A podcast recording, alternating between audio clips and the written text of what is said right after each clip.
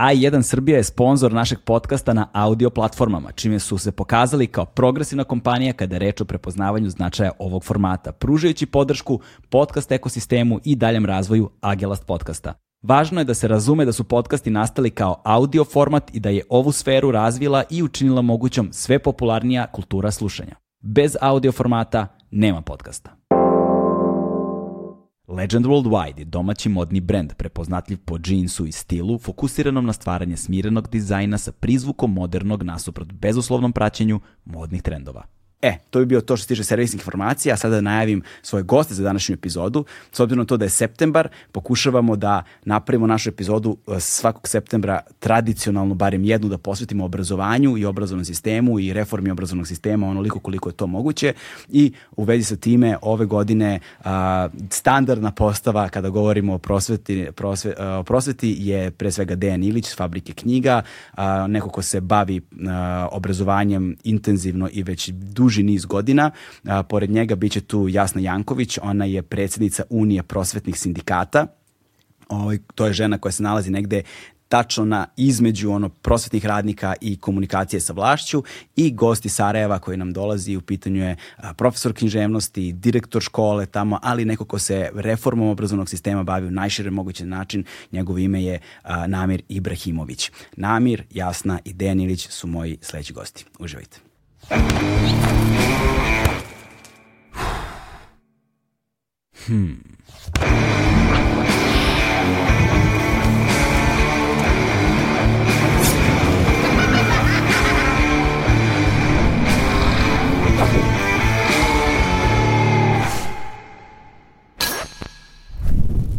Možemo da počnemo najzad. Ovaj, septembar je došao, škola je krenula, A, I ono što pokušavamo da uradimo ovde, ideja ni ja, jeste da napravimo tradicionalnu a, septembarsku epizodu koja se bavi a, obrazovanjem um, i, prosve, i prosve, prosvetom uopšte. Um, s, danas smo ovde Dejan Ilić, standardni naš ono prijatelj, gost, a, neko koga uvek sa velikim zadovoljstvom a, slušamo kada govori o obrazovanju. A, Jasna Janković, A, kako, a, direktorka, predsednica, kako to se to Dobro. sad kaže? E, ja bih volila prvo profesor književnosti, Pro, aha, a trenutno na mestu predsednice Unije sindikata prosvetnih radnika e, Srbije. Dobro. I, i Sarajeva, a, prijatelj i veliki stručnjak Namir Ibrahimović, a, ti si isto profesor književnosti. Kako je, kako je. Profesor književnosti, direktor osnovne škole i da, srednje škole. Trenutno osnovne škole. Osnovne, direktor osnovne škole i u negde najširem mogućem značenju bav, smislu baviš se reformom obrazovnog tako sistema. Tako I ovom prilikom da pozdravimo Jokića koji je u Beogradu iz kog smo sreli, i Baucala takođe i a, Nedima ne možemo da, da zaboravimo. Nikako i brojne druge ljude, ali eto, oni, oni koji su nam trenutno a, na pameti. A, jasno, ćemo počnemo sa vama. Apsolutno. Počela je nova školska godina. A, šta smo naučili u prethodnih godinu dana i kakav je negde presek stvari? Šta se dešava sa obrazovanjem kod nas da. danas? Da. Pa mi smo imali u stvari tri školske COVID godine koje su razorile i ono malo stvari koje je funkcionisalo pre COVID-a I čini mi se da sada, pošto ulazimo konačno uh, bez semafora, kako smo to radili prošle godine, ono, neko je bio crven, neko žut, neko zelen, i sad smo ušli konačno, bar počeli, uh, jednu školsku godinu za koju se nadamo da će biti tradicionalna, jer mm. sada mi obožavamo tradicionalno, jer smo videli šta znači ne, ne tradicionalno da, da, da. i netipično, tako da uh, ćemo videti šta se dešava. Vidim da su već preporučene maske u nekim školama, mm. već se priča o tome da su škola, škola ipak mesta zaražavanja, iako e, ministar u tehničkom mandatu to osporava sve vreme svog mandata. Dakle, da li se deca zaražavaju ili ne. E, šta je u stvari nama problem e, osim COVID-a? Jel? Taj stari problem koji je ostao nekako nema para, a nema ni plana. Mm. Para bismo možda negde i našli, ali plana nikako, jer od vlade do vlade, od ministra do ministra mi imamo različite ideje kuda bi trebalo u stvari da naše obrazovanje ide. A kao i u životu, kao mi sada ovde, ako nemamo plan kuda ćemo, mi apsolutno imamo uh, dezorijentisane planove na svakodnevnom nivou. I to se dešava sa obrazovanjem mm. u Srbiji. Dakle, to deluje kao puno hroničnih uh, problema sa kojima ne znam odakle zapravo početi... Pa, početi možda ja imam prva, prva stvar koju mislim da, da, da vi imate dobro objašnjenje za to, zašto se o školi najviše priča u septembru, a pogotovo je li 1. septembra, vi imate to objašnjenje, na kraju krajeva zato ste i štrajk organizovali 1. septembra, pa ste dali objašnjenje zašto. A druga stvar, mislim da bi bilo važno, meni se čini, da, da, da, da, da, da ovaj, koji su to problemi sa kojima se ušlo u krizu, jeli? Znači, koji su to problemi koje smo poneli u krizu pre korone i sa tim istim problemima pretpostavljamo da izlazimo, a kako je korona, odnosno kako je cijela ova priča oko zaraze, dodala na te probleme i kako je zapravo učinila stvari još gorim nego što su bile. Da odgovorim prvo na ovo drugo pitanje, vrlo praktično pokazavši da mi sada imamo jednog dečaka ili devojčicu koji su krenuli u četvrti razred osnovne škole, a pre toga su imali tri COVID godine. U prvoj COVID godini, u stvari u svojoj prvoj godini školovanja, kada oni nisu ni znali šta je škola, e, desila se korona, desio se online, desilo se to da su roditelji E, bili njihovi učitelji, mm -hmm. tek tad ništa im nije bilo jasno. Onda je druga godina e, gde smo pokušavali nešto da napravimo, neku kombinaciju, hoćemo malo da idemo, malo nećemo. Oni hibridni. I jeste, da. hibridna i konačno ova prethodna koja je bila semafor, pa niko nije znao u petak kako će ići u školu u ponedeljak i nekako nismo mogli da sprečimo COVID, to naravno znamo i ne možemo sad se pravimo pametni da smo mogli. Ne, to nismo mogli, ali šta smo mogli? A, mogli smo da se suočimo sa tim da je COVID naše obrazovanje ugrozio, da je da naša deca ne znaju koliko su znala ranije, da oni koji sada upisuju četvrti razred srednje stručne škole, tri godine prethodne su gledali online na primer kako se meša neki materijal za protezu ako su u zubotehničkoj ili da, da, da nešto da, da, da, drugo. Dakle, e, nismo se kao društvo dovoljno suočili sa tim da moramo da ozbiljne stvari popravljamo, e, već smo išli liniju manjeg otpora kako inače uvek i radimo i jedini nivo obrazovanja gde možemo da pratimo koliko deca znaju, to je mala matura, nažalost veliku nemamo ozbiljnu, jer ovo što imamo to nije ozbiljno.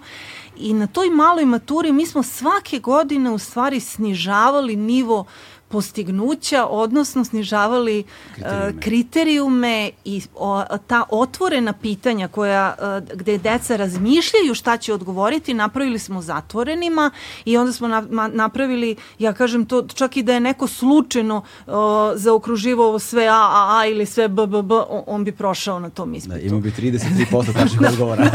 statistički posmatrano. Da. Statistički. Da. Tako da se nismo snašli nikako, ali u stvari nismo se sla, snašli očekivano jer se ne suočavamo sa onim što treba obrazovanju. Zašto je taj 1. septembar uvek zanimljiv? Zato što 1. septembra nekako i sami roditelji moraju da shvate da nije isto u kakvu će školu ići njihova deca, mislim u kakvu, počevši fizički u kakvu, sa kakvim nastavnicima će raditi, da li će imati nastavnike stručne da rade sa njihovom decom i uopšte kakva budućnost čeka svako dete uh, koje ide u školu. Dakle, 1. E, septembar je nekako presek svega toga i sve je u fokusu i zato je štrajk 1. septembra i zato je valjda i policija ulazila u škole ovog 1. septembra, vrlo zanimljivo da vidi kako to se, da li se to štrajkuje, da li se ne štrajkuje, valjda da malo uplaši, e, jer e, su svi shvatili da ako se 1. septembra udruže, nastavnici na jednoj strani, roditelji na drugoj, podrži društvo, odnosno oni koji su možda decu imali, izveli, nemaju, komšije su, stričevi su, strine i tako dalje, da onda može da se izvrši jedan veliki pritisak i da se konačno uozbiljimo. Da, sad pitanje, da li se nastavnici i roditelji zaista udružuju? e, vrlo redko se udružuju, da. ali kada se udruže, onda rešavaju probleme, jer problemi se rešavaju na mikronivou, pa tek onda idemo makro. Dakle, ako dete ima problem, ako su roditelji nastavnik raznih starešina, na primjer, na istoj strani, oni imaju veliku vrvatnoću da će rešiti problem. A dete, kao i svako dete, naravno, ako vidi da se tu razmimo ilaze stavovi roditelja i nastavnika, ono će ići liniju manjeg otpora. Tako da, roditelj i nastavnik jesu saradnici, a sistem je nekako napravio da oni to ne budu, mm -hmm. zato što je prepoznao da će imati veliki pritisak. Mm, dobro. tu je sad otvoreno baš mnogo tema, vratit ćemo se na njih, ovaj, namire kakav je presek stanja ovaj, barem što se tebe tiče i u Bosni i Hercegovini, o, kako je slika stvari? Isto kao u Srbiji, samo gore. O, u slobodnom I, i gore. Da, da. A, zašto je gore? Mislim, ove sistemske stvari o kojima je jasno govorila su zapravo iste. Dakle, država ne zna šta hoće, bez obzira na kom nivou. U BiH, evo da podsjetimo to gledatelje, mislim da je uvijek nužno, dakle, obrazovanje decentralizirano, dakle, na nivou države ne postoji nikakvo ministarstvo ili tijelo koje donosi odluke za cijelu državu, onda u ovim nižim administrativnim jedinicama, entitetima, jednom i drugom je opet to različito podijeljeno. Republika Srpska ima apsolutnu nadležnost za škole na području Republike Srpske, a u Federaciji Bosne i Hercegovine nadležnost je podijeljena na deset kantona i svaki kanton ima apsolutno da je nadležan za obrazovanje od predškolskog do visokog obrazovanja. I plus na to sve, što bi rekli, distrikt Brčko, koji je također za svoje područje, područje nadležan tu. I ta vrsta uh, rascijepkanog uh, ta vrsta rasjepkanog ovaj, obrazovanja dodatno usložnjava ovo što ne mm. postoji na nekom, za, nekom visokom nivou gdje bi se eventualno mogle donositi neke pojedinačne odluke. Uh, u ovim kantonalnim obrazovnim nadležnim vlastima uh, je sušt, suštinski to da se ovdje dogovaraju kako će da uopće vode škole, kako će uopće da vode obrazovanje i oni poprilično rade samostalno. Kao ono već kad su nam dali državne oblasti da mi upravljamo obrazovanjem, mi ćemo da upravljamo svojim obrazovanjem i kako ko ima resurse, kako ko ima neke ljude, kako koja politička opcija ili koalicija ima neke ideje, u tom kantonu se nešto radi i tu se negdje ono vode priča. Naravno, uh, ekonomija je nejednaka, dakle nema isti novac kanton Sarajevo, dakle ima najveći novac za razliku, ne znam, od Unsko-Sanskog kantona ili kantona 10 koji su poprilično sirobašni, koji moraju osigurati, ono, ne znam, uložiti napore neke ili bilo šta drugo da nađu dovoljno novca čak i da održavaju ovakav školski sistem kakav on jeste, dok recimo u kantoru Sarajevo mogu da se razbacuju novcem i to poprilično neorganizirano. Uh, ovo što se tiče same uh, ove prve post-covid školske godine, zapravo u biti mi se pretvaramo kao da COVID-a nije ni bilo. Dok to je najjednostavnije, dakle mi ćemo reći, ok, prošao je, super, ne nosimo više maske, ne moramo sjeti u razmacima, nema semafora, nema pravila, nema dolazak ova grupe, ove ne. Dakle, mi se vraćamo u školu i mi nastavljamo da radimo onako kako smo radili u, do marta od 2020. godine kada smo zapravo izašli, izašli iz takvih učionica. I opet je tu jedina možda negdje neka a, svijetla tačka koja je vrijedno spomenuti jeste, ne znam da je ovaj kanton Sarajevo odlučio da od ove godine zaposli psihologe u osnovnim i srednjim školama, tako da zapravo suštinski ne postoji škola koja nema psihologa. Ali namire tek to, sad. To, da, zato kažem, dakle, to je ono u smislu jedina stvar koja se, da, neka vrsta reakcije na ono što se desilo i da su oni rekli, ok, evo, trebaju nam psiholozi u školi, e, hajdemo da zaposlimo ono, psihologe, psihologe unutar škole, pri čemu smo došli do novog problema. Nema dovoljan broj psihologa. dakle, ne možete ni to doraditi na području jednog kantona, dakle, nemate dovoljan broj ljudi i ne samo psihologa, skoro da nema zanimanja nastavničkog i ovo stručno saradničkog, da nedostaje kadra. I to kadra je, i to kadra je sve manje, posebno za neke predmete nastavne, dakle gdje ljudi, mislim da će doći ono biti da čak ni absolventi na nastavničkih fakultetima ne žele više da radi. Mislim, imam super primjer kao nastavnica Njemačke, ne znam, njemačkog jezika je trebala da 15 dana odsustuje trebalo je da nađemo zamjenu. I naravno, biroji i svi ostalo aktiv, nema nikoga nigdje i javim se ja profesoru germanistike na Filozofskom fakultetu u Sarajevu, kaže imao neki absolvent ono, da radi 15 dana i pitao men kao ima, ali pitao oni kolika je plaća. I sad ja računovođa da izračuna koliko će dobiti student za, za tih 15 dana i to je ovako negdje ispalo oko 400 eura. On se kao... Za 15 dana? Da. Nasmijali su se nasmijali su se i rekli da ne žele to da rade jer taj novac zarade na, na drugim mjestima mnogo brže i vjerovatno, vjerovatno recimo online više. držanjem časova na primjer ne znam koliko se zarađuje u stvari ne samo online časovima nego zapravo rade u takozvanim call centrima dakle kogod govori njemački jezik je zaposlen u nekom call centru i on prodaje neke proizvode stanovništvu u Njemačkoj da. i on dobije računar dobije nešto dakle ima radi 8 sati dnevno plaća mu je znatno veća od plaće nastavnika njemačkog jezika u ško... i uopće on samo treba da položi neki test u kojem oni vide njegov ili njen nivo znanja njemačkog jezika i to je sva kvalifikacija koja je potrebna. Sve drugo nauče kako da koriste software, kojim, kako da odgovore na poziv, kako da su ljubazni, kako da razgovaraju, kada prekinu razgovor, to se završi u nekoj edukaciji, imaju znanje njemačkog jezika i to bude tako. Ali još je ovaj ono što, što je recimo dodatni u ovoj školskoj godini, dakle prvoj postpandemijskoj u kantonu Sarajevo su odlučili da počnu sa reformom obrazovanja. Znam da je smiješno, čudno, ali... Srećno.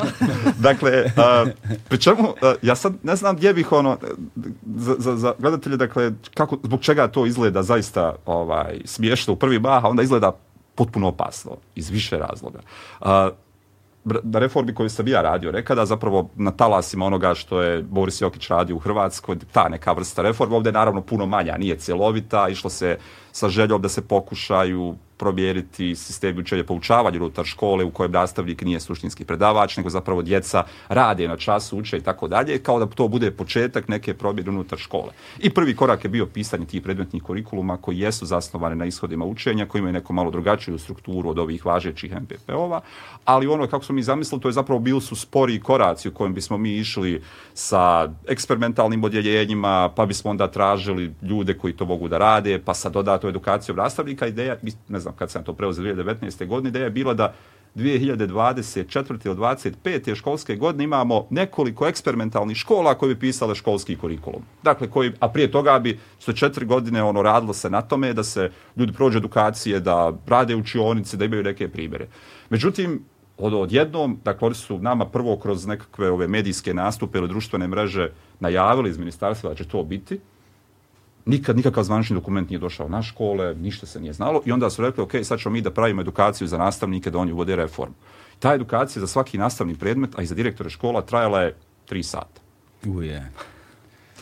To zvuči tragikomično. Dakle, tri sata, pri čemu ništa konkretno se ne desilo. Oni su nam rekli, opustite se, nije hića, polako, nemojte biti ono kruti prema nastavnicima, fleksibilni, nemojte se bojati, moramo jednom krenuti, ali gdje idemo? Ono, to je ključno pitanje, gdje idemo? Dakle, u kom, gdje da krenemo? I na, ko, I na koji način? Šta, dakle, potpuno je, za, dakle, ima tu neki ljudi koji nešto znaju da, da rade, pa su oni kao to nešto uradili, pripremili, ali zaista velika većina ljudi s pravom se pitala ono, šta se od mene očekuje? Dakle, ok, evo, nije problem, daj mi recite šta treba da radim, na koji način ja da radim, kakve to ova, ima veze. Onda sada ne govorimo o svim različitim predmetima, dakle te neke grupe za podršku za svaki nastavni predmet, govore drugačije. Jer zapravo ne postoji ono centralna ideja šta se očekuje. I onda su rekli njima, e sad vi budete podrška za ono geografiju, i rekla šta ćemo mi sad za geografiju, aha kako ćemo mi to raditi, onda sjedne njih pet i e, mi ćemo biti na taj način. Podrška za likovnu kulturu misli drugačije, oni kažu sad ćete da radite to drugačije. Pri čemu nema izmjene nikakve zakonske regulative, u zakonu i u osnovnom i u srednjem obrazovanju u kantonu Sarajevo ne postoji riječ kurikulum, još uvijek je nastavni plan i program. I ovo isto obavještenje koje su nam poslali, on kao nisu, primjenjuje se ovaj, reform, kurikularna reforma na osnovu nastavnih planova i programa koji su zasnovani na ishodima učenja, jer je to formulacija koje oni preuzimaju preuzimaju ovaj samog zakona. Pravilnici nisu prilagođeni ni na kakvom nivou, uh, oni pedagoška dokumentacija, dakle forme koja je obavezna, ni na koji način nije prilagođena onome što oni žele da rade i sad je zapravo ono doslovno mađioničar neko mora da bude da bi uspio da razumije prvo šta, a onda da to ako i uspije da razumije kako da to sve primijeni, izvijeni sve moguće ono oblike, nešto uradi i još da to bude kako treba. Pri čemu su oni rekli da niko ne treba da im ide na časove, niko ne treba da ih posmatra, a, niko ne treba da traži bilo kakve dokaze onome što oni rade. I ono, zapravo je pitanje bizarno. I još jednu stvar, pa ću ovom trenutku završiti, pa ćemo možemo se kasnije vratiti. Najbizarnija stvar jeste da je isto dok kreću u godinu sa reformom, a, Kanton Sarajevo odlučio da učenicima od 5. do 9. razreda a, kupi učbenike da roditelji ne bi izborna godina, da roditelji ne bi davali neke pare i mi ćemo kupiti učbenike. Tragedija u tome što su to učbenici koji su za peti razred objavljen 2008. godine, a za 9. i 2012. oni su najmlađi u čitavoj toj priči. Oni su loši. Ono, pisali smo mi o tome i bavili se kroz kolegijum i kroz sve ove analize. Oni su zaista generalno vrlo loši, ali su još i zastarjeli. I onda vi ulazite u peti razred, prvi i peti razred osnovne škole su svi predmeti po reformi. Dakle, ulazite u peti razred, radite, zagovarate novu školu, potpuno drugačiju školu. I dajete udžbenike iz 2008. godine da djeca uče, da djeca, dakle tih 700 ili 800 hiljada maraka, odnosno nekih 350-400 hiljada eura koji, koliko su koštali udžbenici samo za peti razred, su zapravo mogli biti upotrebljeni na milion drugih stvari za pripremu reforme za nastavnike koji ulaze u peti razred. I na kraju su im rekli kao, kao ne morate koristiti udžbenike u, u ovoj novoj drugačijoj nastavi, možete koristiti druge izvore, ali ono, dakle, ni, plana nema. Dakle, niko nije sjeo i rekao, aha, ako ćemo mi to, ovo nam ne treba. Ako ćemo to, šta nam drugo treba, da vidimo s kim ćemo da radimo. To ne znaju kakve nastavnike imaju unutar, koji, koji nastavnici su prošli koju edukaciju, šta koji nastavnik imao dodatnih vještina, uh, nisu osigurali ono, mislim da ne znaju čak ni ono strukturu radnog staža gdje ko radi, na koji način, a posebno se nisu bavili onim ko će to za dvije godine uopće da predaje u, u, u pojedinim školama. A1 je prvi prijatelj audio izdanja Agelast podcasta. Wow, čoveče, o, ja, znaš, da sam hteo stavke da, da, da, da vodim, ja ne znam, ispunio bih celu svesku do kraja ovoga i ne bih znao dakle da počnem uopšte. Imaš, imaš, imaš, tu, imaš tu jednu potpuno fantastičnu stvar. Namir je čovjek koliko ga ja poznajem, stalno se zalagao za promenu. Da. Stalno je hteo nešto da menja, da, da uvodi neke nove stvari sve. A sad je došao situaciju da vi nemojte ništa menjati. Stanete, zaustavite. Da, ovo delo je kao totalni fijasko. Da. Pot, potpuni haos. Men, ja se u ovom trenutku slušam te sve vreme i sve vreme zatičem sebe da imam problem da mislim, obuhvatim šta ti zapravo govoriš. Ne mogu, ne mogu da dočaram sebi, ne mogu da dobacim uopšte a, prvo kako, gde preseći taj začarani krug i za, zabosti zastaviću i kažem počinjemo odavde. To je prva stvar. Druga stvar, a, a, šta bi bila uopšte rešenja na, na bilo kom nivou i ono ne mogu da sagledam uopšte potencijalne posledice svega ovoga u narednih dve, tri, kamoli ne znam, 15-20 godina. godina. Ali, Galebe, koliko tvoje dete ima godina?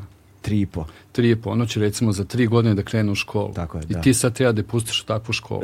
ne, mislim, ne, potpuno Mislim, potpuno za, zato je... sedim ovdje i razgovaramo. Zato su mi ove teme važne. da, da, da, da riješimo taj problem. Krajnje, krajnje, mislim, sve, krajnje sebično. Da. Krajnje sebično, da, da. celokupan spektar ovih tema i mojih interesovanja počeo na taj način što ja, evo, za manje od mjesec dana punim 40 i ja sam i da, sa, dalje osjećam 1. septembra sam ostio olakšanje što ne moram da idem u školu.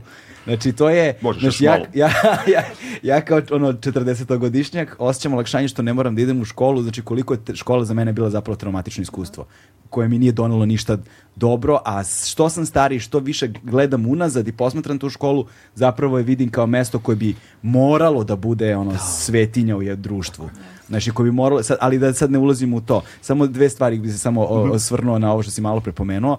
Uh, prva stvar je, pomenuli smo Jokića i to sad, bi, sad nam fali Jokić, jel te, da on kaže šta je to što je on zapravo pokušao uh, sa reformom obrazovanja u Hrvatskoj, gde je ono stigao negde na poslednji stepenik otprilike i ovaj, nije mu pošlo za rukom. Um, ali ima uh, sjajne neke ideje. I uh, druga stvar je, uh, to sa deljenjem na kantone i na distrikte i mhm. tako dalje, na celokupnom planu deluje kao nešto što je nemoguće komplikovano za Absolutno. rešavanje, koje brojne stvari u BiH između ostalog. Tako ali, ali, ali, onda bi, ali onda s druge strane na izgled deluje da bi na nivou jednog kantona Tako to moralo da bude da. uprošćenije i jednostavnije da se, de, da se reši. Ono, to je, to je priča, to je zapravo krenula priča čak opet i u Hrvatskoj prije nego što se to prelo na kantone. Ideja je bila nakon tih izbora prvih u Hrvatskoj, nakon što je propala reforma, da pojedine, pojedini gradovi u Hrvatskoj zapravo krenu sa primjenom, jer su oni vidjeli neke pa, u ovoj zakonskim regulativama nek lokalna zajednica može na neki način mijenjati, međutim prevarili su se, nije to moglo, nije moglo da se desi, dakle mogu neke mini izmjene, ali nisu mogli dalje. I ono zbog čega je vjerovatno ovaj, Borisu Kanton Sarajevo bio zanimljiv i zbog čega je radio sa, sa ljudima koji su vodili reformu. Izvini, spomeni samo ko je Boris Jokić. Boris da. Jokić, dakle, da. voditelj cjelovite kurikularne reforme ovaj, u, u, u Republici Hrvatskoj. I, ovaj, I to je doslovno, dakle, da na tom nekom manjem prostoru gdje su logistički, dakle, škole blizu, nastavnike može do, možete dobiti vrlo lako, nije to ogroman broj nastavnika koje trebate educirati, a sve vam je, dakle, sistem obrazovanja vam je u rukama i možete da pratite, dakle, doslovno od vrtića pa do, evo, fakulteta, možete se baviti nastavničkim fakultetima, kako da izgleda budući nastavnik. Dakle, sve imate da promijenite, a nije ogroman broj. Međutim, to je zapravo opet nepremostiva prepreka za, za a, nadležne obrazovne vlasti, lokalne, zaista nepremostiva.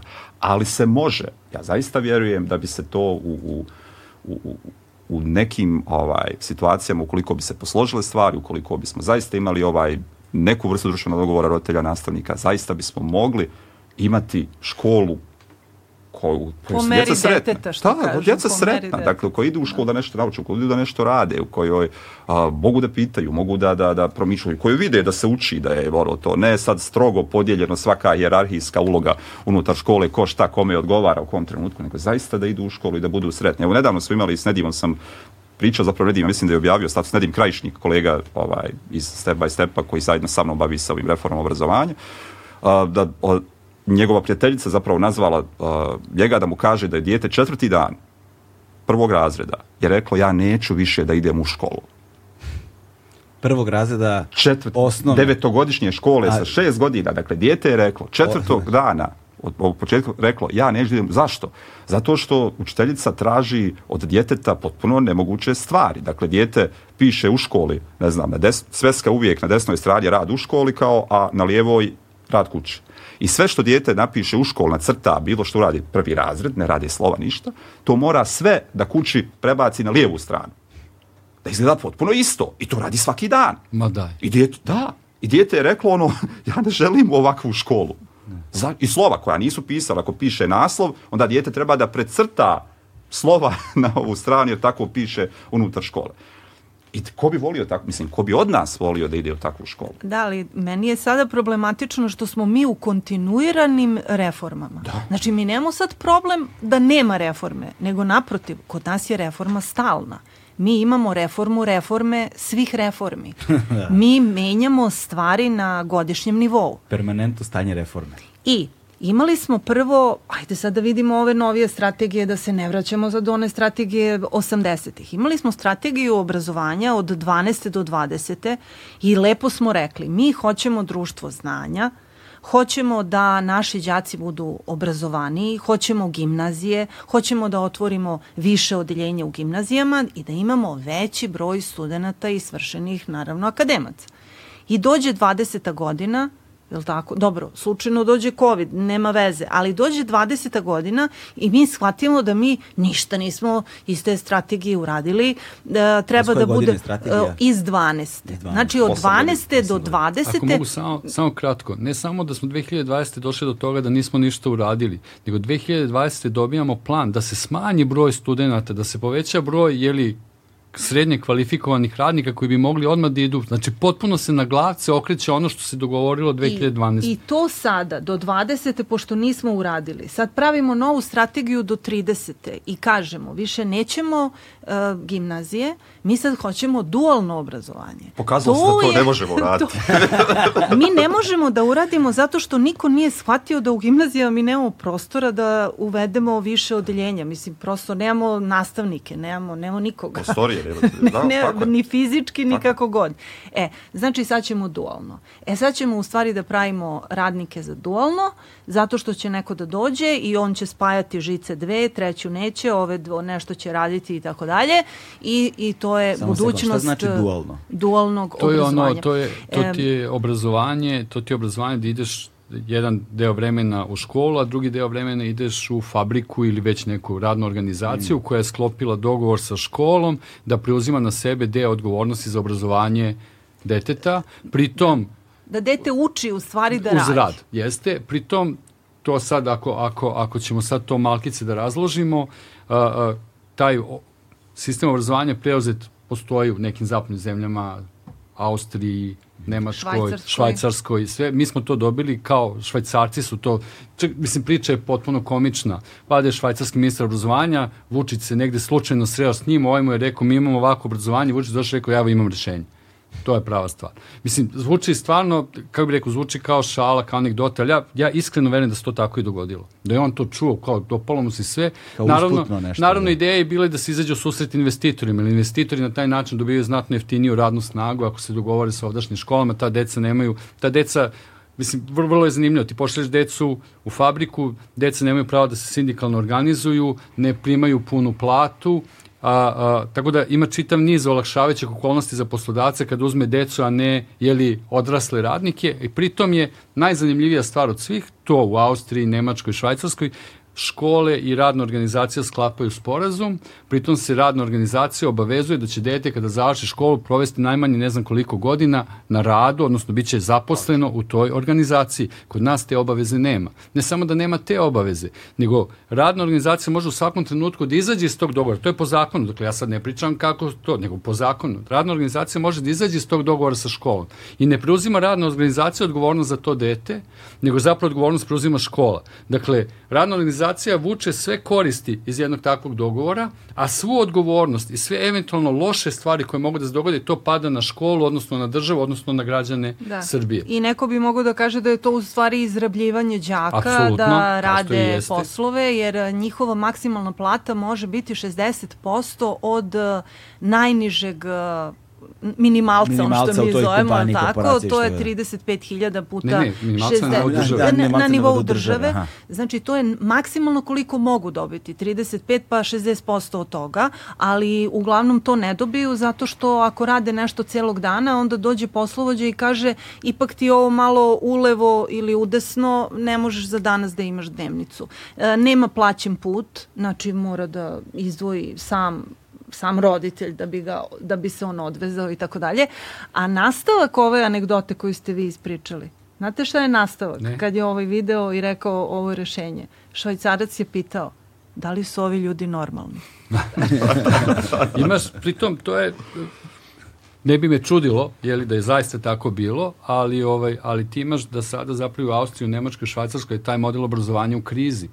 Jer on, on ima čitav niz, čitav, niz, čitav niz loših učinaka. Pritom je jako zanimljivo i kako je on uopšte uveden. Ako uopšte zanima ljude, uveden je tako što se shvatilo da u drugoj ili trećoj generaciji rodi, deca roditelja koji su došli u tu zemlju imaju problem da se integrišu. I onda je zapravo ideja bila da im se što pre omogući da počnu da rade, da žive jeli, od onoga što zarade i da se na taj način što brže integrišu u zajednicu. To je bila početna ideja. Zato se tamo uveo. Ne iz ekonomskih razloga, ne zato što je bilo potrebno privredi, nego zaista jedan socijalni razlog, društveni razlog, da se deca, da. roditelje useljenika što pre integrišu u društvo, a ne da, ne znam, lutaju, da nemaju čega da žive, da žive dugo sa roditeljima i sve.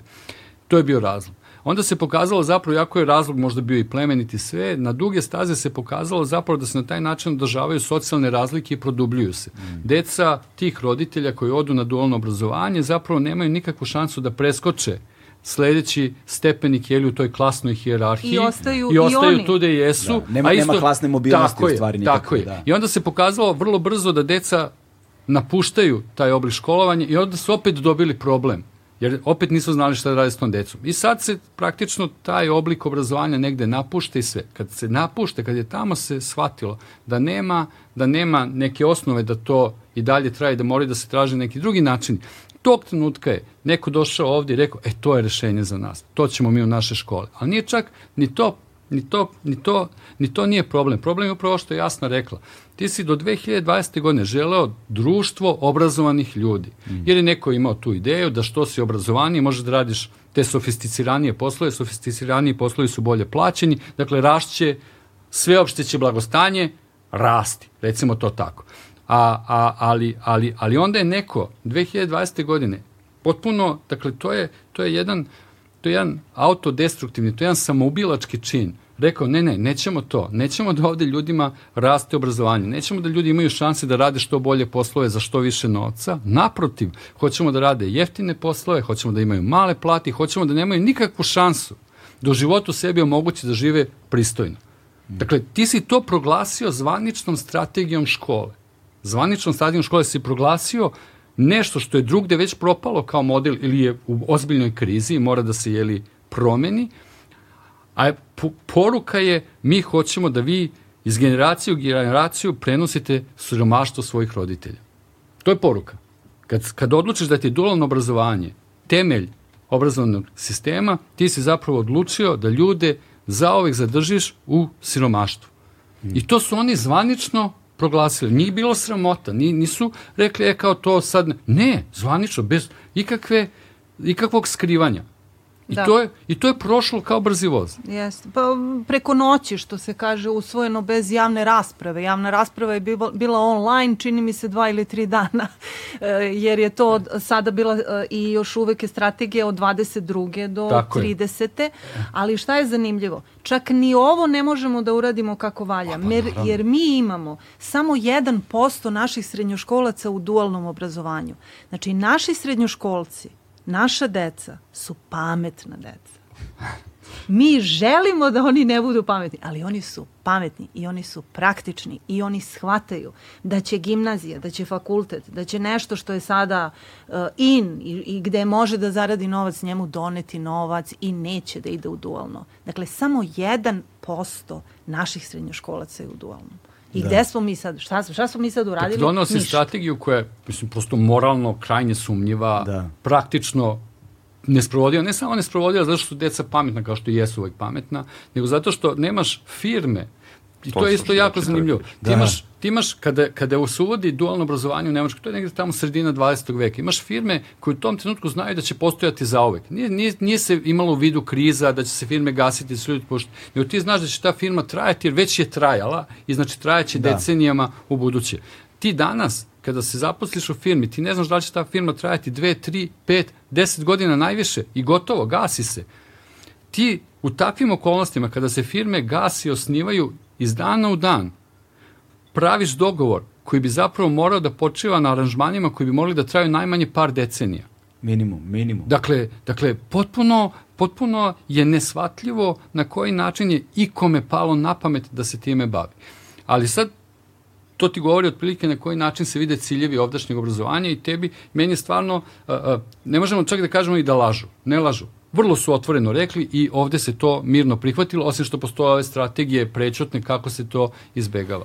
Ono što je zanimljivo sa, sa, sa krizom ovom oko korone i, i, i svega ostalog, to je škola je ušla već sa problemima u tu krizu. I ti problemi su bili od toga koliko je nastavnika uopšte zaposleno, do toga u kojim uslovima uopšte rade, kako izgledaju te škole, koliko prostora u tim školama ima do toga što nije bilo ni tada jasno koji su ciljevi škole, zašto deca idu u školu, šta mi od te deca očekujemo, šta društvo, ne mi ovde, šta društvo očekuje od škola, šta škole treba da daju, šta, kako, na koji način treba da formiraju tu decu. Dakle, ništa se od toga nije znalo.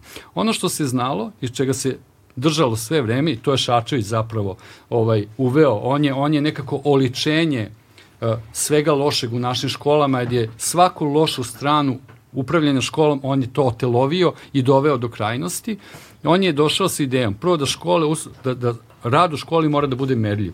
Merljiv je tako što će se svi non stop testirati i tako što će se gledati ocene. To je prva stvar. I druga stvar, on je, on je, on je zapravo uveo to, to potpuno neverovatno stvar, racionalizacija. Da se otpuste viškovi, da se zatvore škole bez dovoljno đaka i sve. To su sve bile njegove ideje da se smanji trošak države za škole.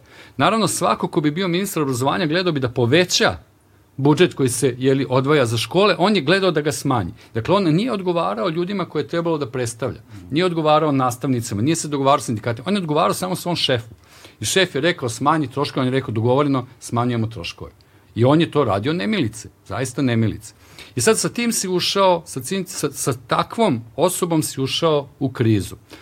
Sa takvom osobom si ušao u koronu. I onda, onda si dobio, umesto, umesto da se na nivou zvanične politike promeni odnos prema školama, da se shvati da su nastavnici ti na, koj, jeli, na kojima škola stoji, da oni su ti koji obavljaju najvažniji posao, da su deca zapravo taj jedini cilj i to šta se događa sa decama u školama, on je sve ono što je pričao pre nastavio da priča posao. Bilo je važno da se ocenjuju, To je bio jedini razlog zašto deca išla u školu. On je rekao, sve drugo može da se radi kod kuće, ali deca moraju da dođu u školu da budu ocenjene. I škole su radile zato da bi se ocenjili. Znači on nije ni po koju cenu odustaje od ocenjivanja. Nastavnici su tražili da se nema testiranja dok traje korona, on je rekao mora da bude mora. testiranja, jer moramo je to da se tako kao da, kao da ništa nije, jer moramo da imamo kako ćemo da izmerimo kako rade škole. Dakle, sve, sve loše što je bilo pre se još pojačalo tokom korone. Ali šta nam je korona pokazala? Nije ona bila samo udarac na škole. Ona je pokazala jednu fantastičnu stvar, a to je da su škole tamo gde nastavnici rade kako treba, vrlo otporne na razne krize. Tamo gde su nastavnici bili zainteresovani za svoju decu, tamo gde su nastavnici bili u čvrstom kontaktu sa decom, tamo gde su nastavnici školske programe i ocene ostavljali po strani, a interesovali su sa svakodnevni život dece, te škole, ta odeljenja, ti nastavnici, ta deca su kroz krizu prošla mnogo jače i mnogo bolje nego ona deca koja su jurila oceni, nastavnici koji su se stirali na ocenjivanju. Tebi je korona pokazala, znači kriza oko koroni ovih dve godine, pokazala zapravo šta je suština škole. I te škole koje su imale takve nastavnike i te škole u kojima se tako radilo sa decom, su zapravo iz korone izašle mnogo čvršće, mnogo bolje. Ta deca su izašla mnogo spremnija nego ova druga deca koja su bila izložena ocenjivanju, testiranju i svima ostalo. I niko, ali apsolutno niko iz zvaničnih vlasti, iz ministarstva, ministra samog, pa onih raznih tela koje su savjetodavna za ministra, nije izvukao tu pouku.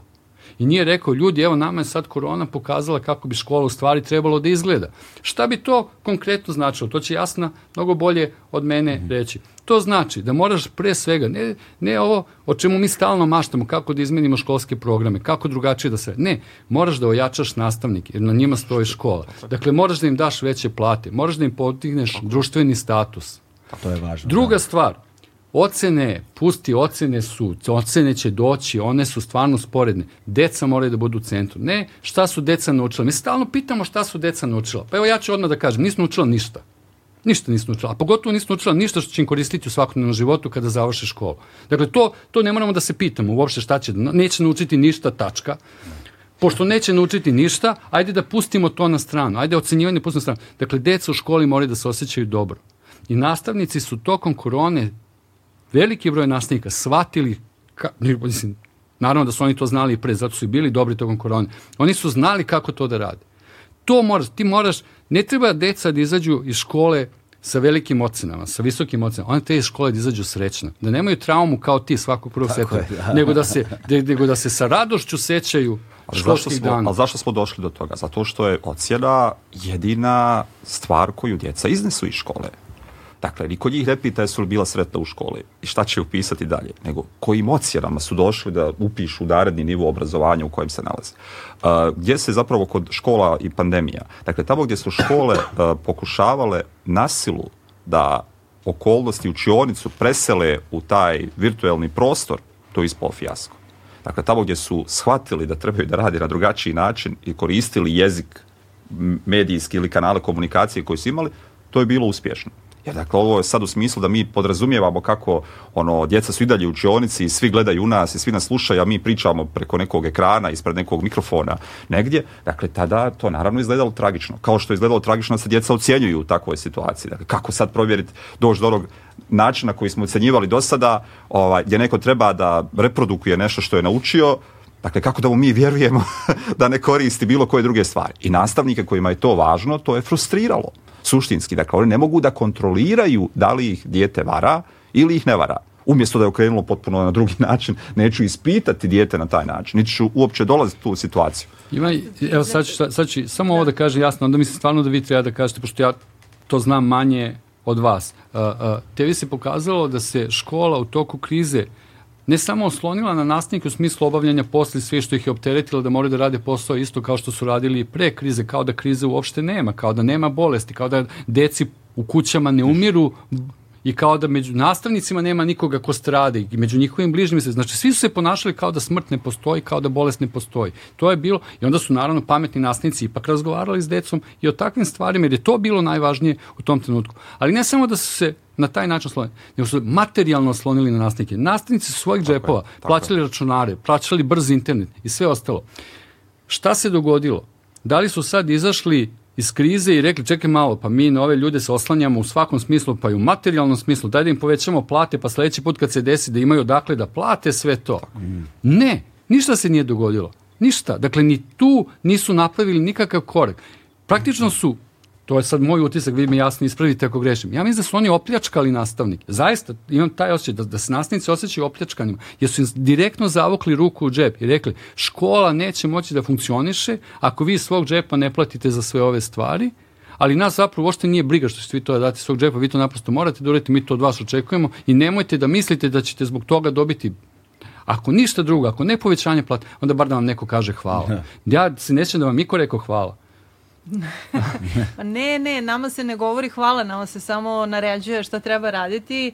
E, to je sve nešto stizalo hitno, bitno, ti mailovi uradi juče, uradi prekjuče, ali samo sam htela da kažem da je ova situacija sa 15 dana rada nekoga ko bi zamenjivao nastavnicu ili profesora nemačkog, on bi u Srbiji e, zaradio manje od 300 evra. Da, da, da.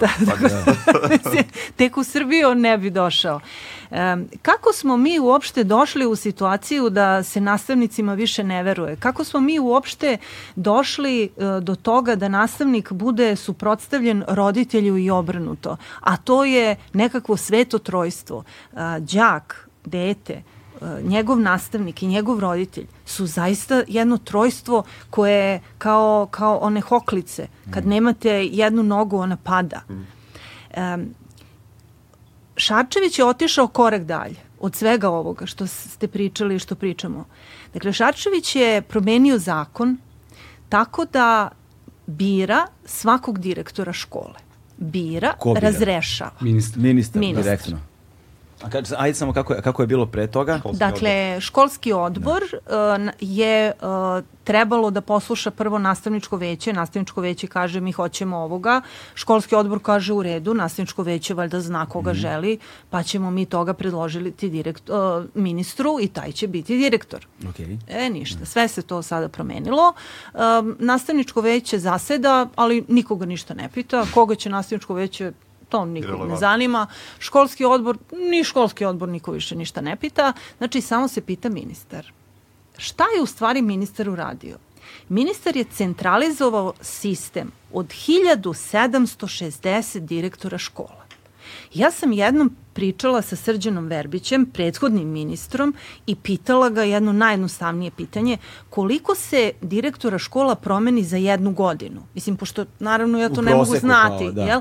A on meni kaže jedna trećina od 1780. Wow. Dakle, to je 600 ljudi na godišnjem nivou se menja regularno. Ne ono VD sad ovoga smenjam. Regularno Znači, imaš to mu dođe 300, skoro dva dnevno, recimo. 365 dana. Ti nemaš dva- kad. Dva dnevno to dođe. Da. I dakle, pošto naravno znamo da to nije moguće, Šarčević će, ministar će poslušati lokalnu samupravu, a lokalna samuprava će postaviti nekoga ko će onda uh, u školi praktično zavoditi diktaturu, jer ništa drugo ne znam da radi. To će biti čovek potpuno neomiljen, koga niko tu u kolektivu ne želi, maltretiraće svoje zaposlene, jer on više ne zavisi od njih. Njegov drugi mandat sledeći mandat, produženje, pe- 15. mandat zavisi samo i jedino od ministra. Odnosno od lokalne samuprave. To dakle, jest od lokalne ministra koji samuprave za koju znamo da je naravno kontroliše partija.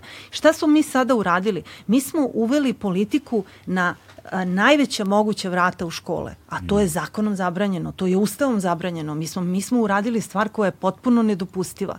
Zato što smo a, želeli, zato što je neko želeo da kontroliše sve iz, iz nekih svojih ne znam kojih razloga. Mislim, znam kojih razloga, ali on je, on je to smislio.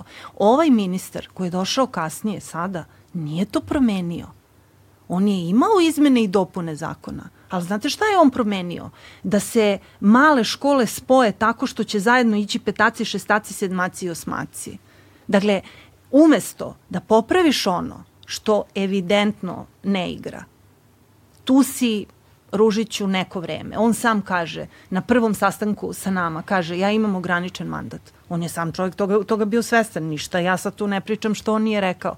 Dakle, daj da promenimo ovo što ne valja. Ne, ne, ne, ja to neću, to neću dirati. ministra. To, to, neću, to neću dirati, nego Vede ću, ja, da. nego ću ja ovo uraditi. I mislim, mi sad napravimo jednu totalno suludnu situaciju da u jednom odeljenju, da u je, na jednom prostoru sedi neko ko je peti, šesti, sedmi i osmi razred, a evo kolega i ja smo profesori Mm. književnosti, ulazimo i radimo sa petim, šestim, a, ali 45 minuta traje čas.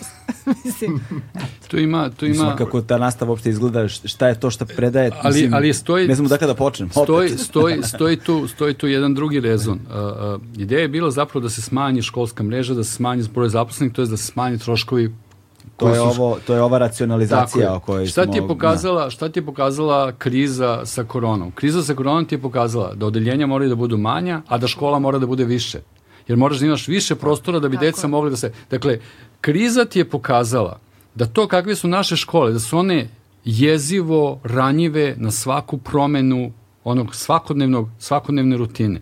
I da su ranjive zbog toga što imaš malo nastavnika, što je školski prostor mali, što su odeljenja velika. Dakle, to je pokazala kriza. Da li si išta od toga promenio? Da li si rekao daj da zapošljavamo nastavnike, daj da ne zatvaramo škole, daj da smanjujemo broj đaka u odeljenju? Ništa od toga nisi uradio. Znaš, jako je zanimljivo koja ideja bila. Te škole, ti imaš Ja pretpostavljam da to tako ide, nemam, nemam, nemam, nemam dokumenta, nemam dokaze za to, ali na Dorčulu je bilo škola koje su teli da napuste. Ti imaš investitora koji je bacio oko ili na zemljište ili na zgradu i dođe i kaže, e, znaš šta, baš bi mi super bilo da dobijemo ovo, kako ćemo to da rešimo? koliko ima đaka tamo, ko su ti ovo, ono? aha, i onda kažu, e, nema dovoljno đaka, nema ovoga, nema onoga, rasmestit ćemo te đake po okolnim školama, a ovo više neće biti škola, nego ćemo prodati onome ko, je li da, ne čak ni najviše, nego ko se s nama dogovorio.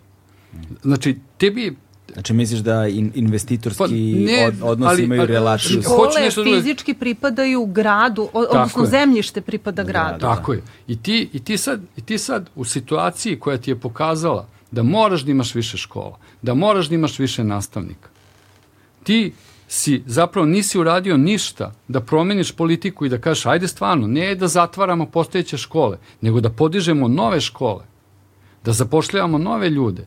Ne, ti dalje imaš to, da zatvaraš škole, da otpuštaš nastavnike, da postavljaš te norme, koliko mora da imaju časova da bi ošte bili u radnom odnosu, koliko škola mora da ima đaka da bi ošte postojala, koliko odeljenju mora da bude đaka da bi ošte imao to odeljenje. Pritom niko nije objasnio šta je problem ako jedne godine odeljenju imaš 10 ili 15 đaka, pa će sledeće godine imati 20 ili 30, jer se stvari menjaju. Mi živimo u vremenu u kome se od danas do sutra menja Ako ćemo već da pričamo o radu i o tržištu rada i o svemu ostalo, tebi se od danas do sutra menja ta situacija. Naprosto nije pametno Da neke stvari ukidaš zato što trenutno ne možeš to da iskoristiš, jer ti ne znaš da li će recimo za godinu dana ili za pola godine to ponovo postati aktuelno. Dakle, ti moraš da držiš neku infrastrukturu koja može da se nosi sa raznim neočekivanim stvarima koje nije teško predvideti. Možda ne možeš konkretno da predvidiš šta će neočekivano da se dogodi, ali, ali možeš da znaš da će se nešto neočekivano sigurno dogoditi. Ajde onda napravi sistem koji je takav da može da se nosi sa neočekivanim izazovima.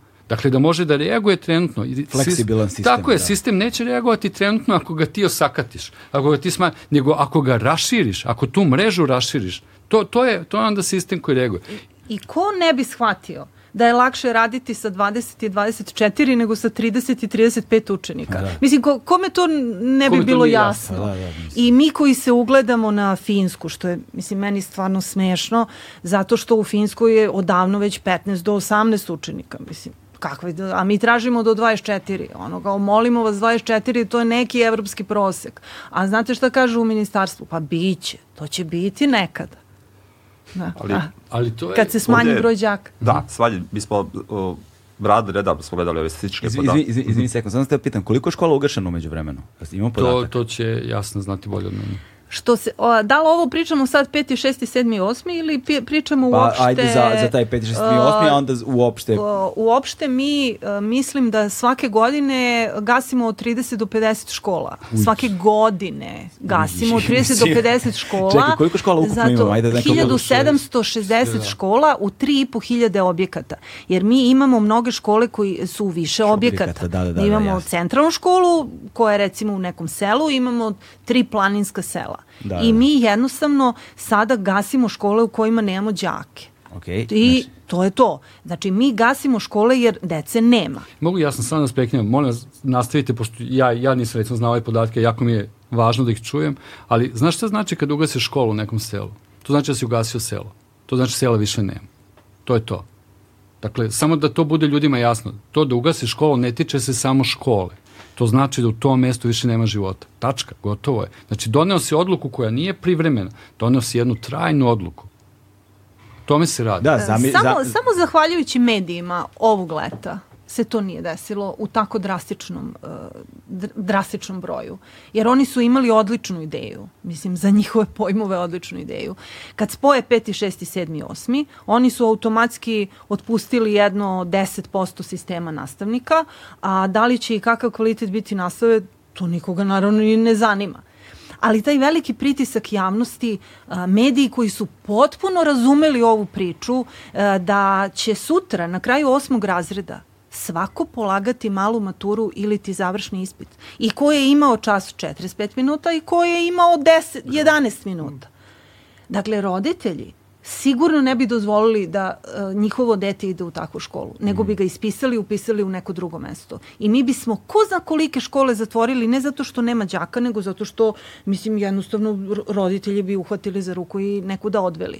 Dakle, sama ta uh, ideja da se na taj način štedi je potpuno monstruozna ona je monstruozna. Se. Jer štedeti preko dece za koju kažemo da su naša budućnost, okej, okay, pa dajte da malo vidimo kakva nam je ta budućnost. Dajte da više sa tog verbalnog nivoa pređemo na nešto praktično i da se suštinski decom bavimo. Ne, ne mogu verujem, 30 do 50 škola. A koliko se nastavnika, koliko su nastavnika u ovom periodu, koliko je ostalo bez posla, to imate O, uh, mi smo imali u pre dve ili tri godine situaciju jednu, ja mislim stvarno ne znam da, da li to bilo možda kod vas, ali re, od 110.000 ljudi koji, koji rade u osnovnoj i srednjoj školi, preko 50.000 ljudi je radilo na određeno vreme. Znači, skoro polovina sistema je radila tako da može Svaki direktor godine. bukvalno sutra da dođe i da kaže, vidi, nisi mi više potreban, ali, ali ja želim da radim. Ne, ne, ne, doći će neko drugi. I mi smo time godinama, ali to zaista, ali ovo sada zaista nema veze sa Šarčevićem, nego i sa mnogima prethodno, mi smo praktično ljude držali u nekoj, uh, kao taoce. Znači, da. znači, naši nastavnici su bili taoci, oni su morali da slušaju šta treba i šta ne treba. I dobro, sad trenutno imamo negde oko 30.000 ljudi koji su na određeno vreme. Malo smo spustili taj broj za jedno 20.000 jer su omogućeni neki konkursi zbog onog nesrećnog zakona o a, zabrani zapošljavanja u javnom da, sektoru. Da, da. Dakle, mi sada svake godine gubimo od 3 do 5 hiljada onih koji odu u penziju. Znači, to je ono regularno što se ide u penziju, koje nema ko da zameni, zato što više niko neće dođe u školu. jedino su matematičari sa PMF-a izračunali, ja za druge podatke nemam jer ih nikad nisam čula, da samo 40% nastave matematike jeste stručno zastupljeno. Dakle, 40% nastave matematike je zastupljeno onim nastavnicima koji su završili PMF na delu, na, na, na smeru nastavničkom. Svi drugi koji predaju matematiku su imali matematiku godinu, dve na mašinskom, elektrotehničkom, da. nikada nisu imali dečiju psihologiju, nikada nisu imali pedagogiju i tako dalje. Metodologiju. Metod, ništa od toga. Znači, mi smo već u velikom problemu sa matematikom, mislim u ogromnom, 60% u problemu, ali mi ne mi idemo dalje, mi nemamo više profesore programiranja. Mi smo reformom uveli programiranje u peti razred. Bili smo, rekli smo, naša deca će biti najpametnija u Evropi jer oni će programirati u petom razredu. A nismo razmišljali da jedan programer nikad neće dođe u školu da predaje. A zašto bi i došao? Mislim, čovek ima, mislim, čovek ima platu 250.000 realno, mislim, negde. Da. Tako? 15 znači, puta razloga da ne dođe. mislim, ko... Sa proga ali programeri su baš specifični jer oni su nekako postali jedna nova novi društveni, ekonomski, klasni sloj Jeste. koji je Absolutno. prosto od udara od svega drugog u na našim I okej, okay, mi smo napravili reformu, ali al, al mi ništa u stvari nismo o. uradili. Ove godine za 15 mesta uh, na fakultetu hemije u Beogradu se prijavio jedan student. Ja ne znam da li on položio prijemni. Da. Mislim, ja se nadam da jeste. Ali ako samo, nije, primit Ako nije, primit. Dakle, samo jedan student. Mi apsolutno ostajemo bez kadra. Potpuno isti. Potpuno je, ista. Samo izvini, to isto, isto je jako važno za ove takozvane bazične osnovne nauke. Znači to hemija, fizika i sve. To nisu, to nisu isplative grane nauke. Ti ne možeš sa hemijom i fizikom tako lako da sklopiš neki sporazum sa privredom, sa nekom industrijom i da radiš, da, da, da, da znači to su nekako kako bi to rekao, čiste nauke, ne, ne, nemoj to drugačije da kažem. One postoje zato što su važni, zato što su osnova za nešto drugo, ali oni koji to savladaju ne moraju nužno da budu sposobni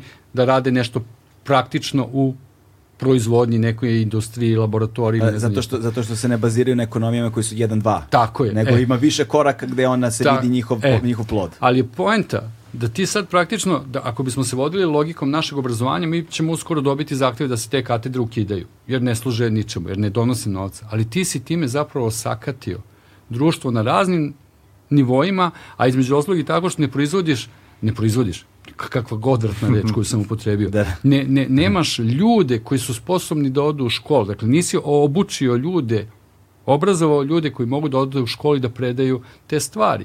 I, i samo ću ovo reći, pa, pa, ovaj, e, ti imaš u Mađarskoj sada, to je, to je dotle su oni stigli, sad vraćaju penzionisane nastavnike u školi jer nemaju, u školi jer mm, nemaju da, nove nastavnike. To. Ovaj, to je, to je, to je, meni je to fantastično, e, kako bih rekao, svako bi to trebalo da zna, e, resurs penzionisanih nastavnika je potrošiv.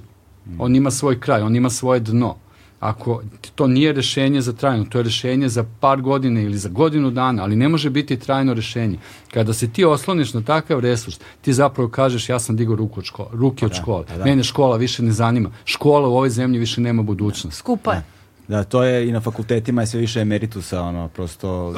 E, to sad, to je da, sad da. potpuno drugi par, drugi par rukava da, da, šta da. se događa na univerzitetu, ali, ali, ali, ali hoću da kažem da mi da, da smo mi, zato ja kažem, naravno da su te tendencije postojale i pre, i pre ja, ja naravno moram uvijek da ponovim, Verbić je slomio štrajk prosvetnih radnika, a ne Šačević. Jeste. I to, to je to je njegovo i to je to je, to je njegovo trajno nasleđe za obrazovanje u Srbiji. Iako se ispostavilo da nije rđava osoba ili bakar nije najgori koji je mogao da zadesi prosvetu, on je napravio taj najgori posao za prosvetu koji je mogao da se napravi, to je kad je slomio zapravo taj jedan po meni veličanstven štrajk koji traja šest meseci gde su ljudi bili vrlo odlučni da izdrže, on je uspeo to da slomi to tako što je prekršio zakon i uzeo im plate. Ali na stranu sad to, ovaj, hoću da kažem da kada se vodiš ovim logikama koliko nešto košta i da li ti daje, a kod nas čak u nekim drugim zemljama ne traže da ti se vrati nešto za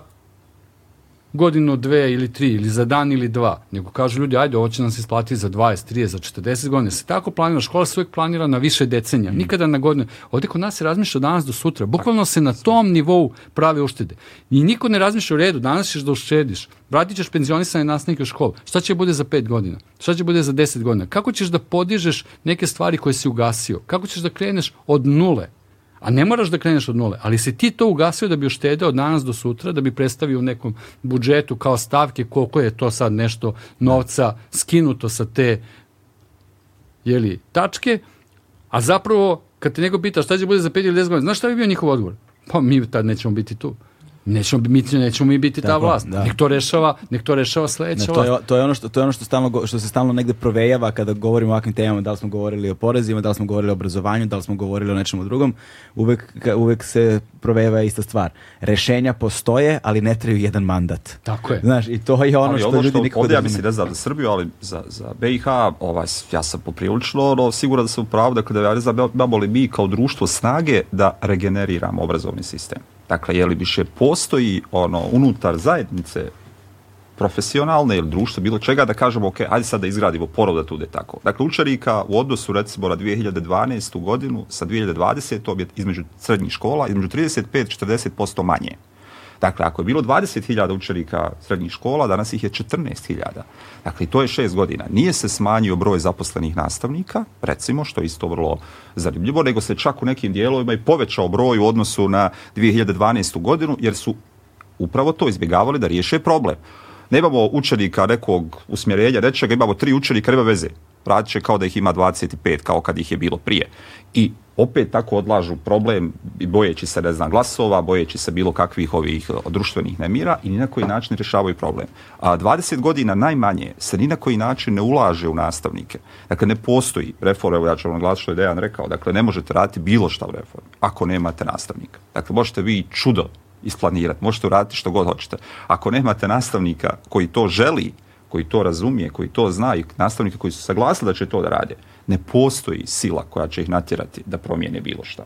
Dakle, mogu da rade šta god. Mogu da odbiju na bilo kom nivou. Mogu formalno sve da rade, ali suštinski da ne urade bilo šta od onoga što ide. Tako da, ne trebaju oni čekati, ne znam, šta će oni smisliti plan i ostalo. Dakle, ulaganje u nastavnike, u ozbiljnu edukaciju nastavnika je ono što nikad propasti neće. Ali ne samo edukaciju, nego bilo šta, dakle, banalno materijalno sva, ulaganje. Bilo ko, I to čak, dakle, bilo koji nivo. Ali isto tako nastavnik treba znati šta i kako da radi. Jer nastavnik je radio ono što mu se reklo u datom trenutku. Nisu rekli, ok, ajde sad evo prušimo priliku da ode negdje, studijska razmjena, da bude pola godine da provede negdje, nauči negdje, ono, neke druge stvari u nekoj drugoj državi, da mu dozvole da proba da uradi neke druge stvari, da ako to uspije, ako radi, zbog toga bude, evo, čak i dodatno nagrađen, motivisan i tako dalje. Dakle, to se neće nikada biti ono kasno, da sad čekamo neki plan pa da to radimo. Što više dobrih nastavnika, boljih koji ono idu puno šire od onoga što škola radi, dakle postoji ono šansa da ćemo dobiti bolju školu. A ako o tome ne razmišljamo, ako razmišljamo samo hoće li škola krenuti 1. septembra i kako će se završiti, hoćemo li imati na broj djece, dakle škola neće uspjeti. Hoćemo li uspijemo. oceniti sve? Da, da, da. A Hoćemo li sve se- ćemo ih ocijeniti. To neće, to ne su, mislim da ne, da, ono, svako, svako ima to, da će, bez obzira kako je dijete, gdje osim ako baš fizički nije došlo godinu dana, će biti ocijenjeno. Jer time se pokazuje da je neko radio, time sistem pokazuje da funkcioniše i djeca prelaze iz jednog nivoa, s jednog nivoa na drugi. Be- ova eksterna provjera znanja je ovdje mala matura i u, u BiH je opet nejednako u svim ono drugim stvarima, ali je ono recimo za učenike u kantonu Sarajevo, za učenike završne osnovne škole devetog razreda je to smiješno. Dakle, to je potpuno smiješno. Oni rade završni test iz uh, maternijeg, iz engleskog i iz matematike i ovaj i to su nekih desetak, između desetak i 18 pitanja koji su najnižeg mogućeg nivoa. To neko zaokruživanje, prepoznavanje, povezivanje, dakle, ono, možete pogriješiti na svih deset, ako baš niste zapamtili te i te dijelove, možete pogoditi svih deset, ali da niste bili neki dobar učenik u nekom trenutku. I prošle godine su opet insistirali da bude ta eksterna matura iz istih razloga, kao što i Šarčević je tvrdio, vjerovatno da se prati znanje djece, ali kao vijeće roditelja se protivilo tome i onda su oni rekli, ok, evo, daćemo im kataloge od 200 pitanja i sigurno će biti pitanja iz kataloga koji se nalaze tu, će biti ovdje i to je olakšavajuća okolnost. I potroši se ogroman aparat. Nastavnici iz jedne škole odlaze u drugu školu. Nekakvi se podaci skupljaju, printaju se papiri i nešto da bismo ne znam šta pokazali koliko je djece bilo u stanju da nauči šest stotina pitanja.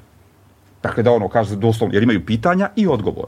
Da. Dakle, da neko, a sada ne govorimo o materijalnim greškama unutar kataloga, dakle, da dijete nauči, pa da, da nastavnici gledaju da li će odgovoriti onako kako piše odgovor u katalogu ili će vjerovati zdravom razumu pa odgovoriti ono što je tačno, a ne to što stoji. Tako da je mnogo, mnogo stvari u kojima zaista ono je ka to, vodi ka tome da ne vidim kako i gdje da se krene, iz koje tačke da se krene, iz koliko tačaka da se krene sa, Da, sa ono što meni sve vreme ostaje kao snažan utisak slušajući sada, sada ovo jeste s jedne strane ovaj, dakle, takve stvari u slučaju onima, onima koji polažu, koji nauče, koji prođu. Znaš, daje s jedne strane jedan strašno lažan osjećaj samopouzdanja.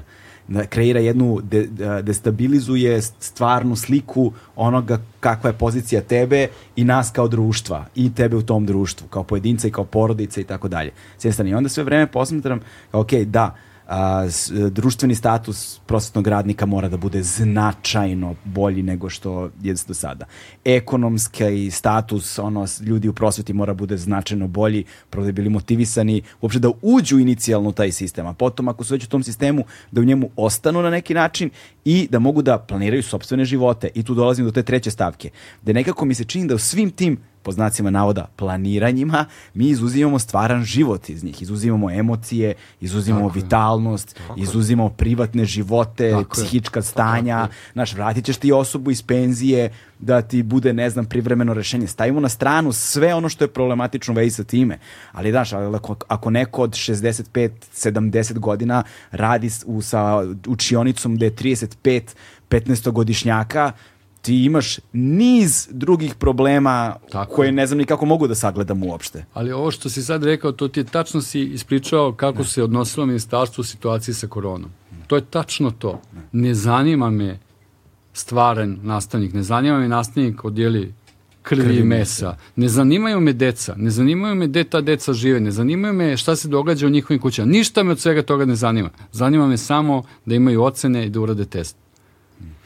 Test je, samo još ovo, test je inače uveden, ne, a namir je naravno dobronamirna osoba, pa on kaže da se vidi koliko deca znaju. Nije, nije to namera, nije to namera testa. Namera testa je da kontrolišeš nastavnike i to se eksplicitno kaže. Vidjet ćemo po učinku testova kako se u kojoj školi radilo. I to je direktan pritisak na nastavnike. Ovdje čak i to, ja kažem, to je kao izgovor da se vidi da. koliko djeca znaju, ali zaista niko se nikad nije bavio, postoji deset Aha. godina, niko nije uradio nikakvu analizu ničega, niti e. niko išta upoređivao. Dakle, ali kod ne, nas, ne, ne. ali kod nas, kod nas bar, bar verbalno kad se, kad se govori o testima, onda se kaže da mi vidimo kako su u kojoj školi radili, da mi vidimo kako je koji nastavnik radio. I onda dolazi do vrlo zanimljivih situacija kao ovo što si ti rekao, da se oštampaju pitanja i odgovori, pa deca to nauče na pamet i sve. Ali zapravo si onda imao niz nastavnika koji su dece pripremali isključivo za test. Nije ono, čak, čak ne ni da pređu to neko školsko gradivo, čak ne ni da ne znam šta, nego ne kao da te spremim za test jer je to onda potvrda da smo nešto radili da sam ja, da sam ja dobro radio. Nije, ja te nastavnike razumem. Nije, nije da bih sad imao, Bog zna šta da im zamerim, ali pogledaj kakva se poruka šalje. Poruka je prevaranska. Ajmo da prevarimo sistem, ajmo da lažemo. I ti si nastavnika uvukao u priču da mora da laže zajedno sa decom, a deca su shvatila da je laž u redu da je prevara u redu, jer to je dobro i za njih i za tog nastavnika. Dakle, Mesto da napraviš decu koje škole izlaze kao deca koji imaju nekakvo dostojanstvo, neki integritet, ti škole zapravo izvodiš male prevarante, koji uvek gledaju na stranu sad, dakle, deca su naravno pametnije od toga i nastavnici su pametnije od toga, ali ako bi gledao samo intenciju ministarstva i tih politika obrazovnih koje mi imamo i koje bi kao navodno trebalo da se realizuju, onda je to rezultat.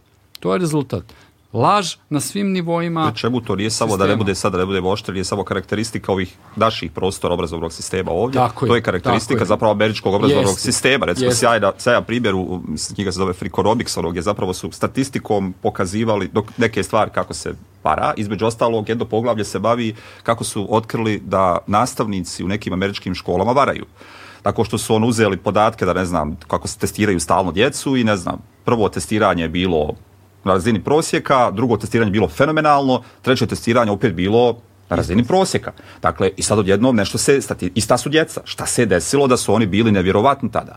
I na kraju se otkrije da taj nastavnik kojem ovisi posao onome što radi, Tako. rekao, djeci, ne bojte ništa popunjavati. On ima nekih 15 minuta između toga da kad oni djeca završe, da neko dođe i pokupi te testove ja. i uzeo je šablon. I rekao, uzeo šablon i sam od svoje djece križao stvari. I to se na kraju otkrilo, naravno, ono, Kiza piše dobio otkaz i sve ostalo otišao, ali hoću da kažem, prisiljen je bio da vjerovatno iz milion drugih razloga ovaj, sumnja hoće li dobiti posao, da li ima kredit, pa ne znam, ono, negdje da li će rizikovati. Ne može da se osloni na učenike, možda je siguran da nisu ono, uspjeli savladati neke stvari, možda je svjestan da s njim s njima uradio i onda naravno tražio je neko rješenje koje će, koje će biti tu. Jer sistem zapravo natjera ljude da svedu, ono, da, da traže ono, rupe u, u, unutar toga da bi kako bi da bi preživjeli. Jest. I to je to je zapravo i kad god da se uzme on obzir, ok, treba pratiti naravno napredak učenika, ali zaista ovo činjenično znanje, ono tipa da li je dijete nešto zapamtilo ili nije, je ono sjajno, ono mora da bude, ali da samo to provjeravamo na nekakvom testu, da li je neko završio ili nije, je trošenje resursa, vremena, dječijeg stresa i svih ovih da. stvari koje ima, dakle da vi morate da ovisite o nečemu. U kantonu Sarajevo je to zapravo najveći cilj je da se dobiju bodovi za upis u srednju školu, jer oni ulaze tamo i oni imaju neki taj fundus, do sada su imali 30, sad imaju nešto malo na 24 su im skratili. Ovaj, I to je značilo da moraju dobiti iz svih testova maksimalan broj bodova.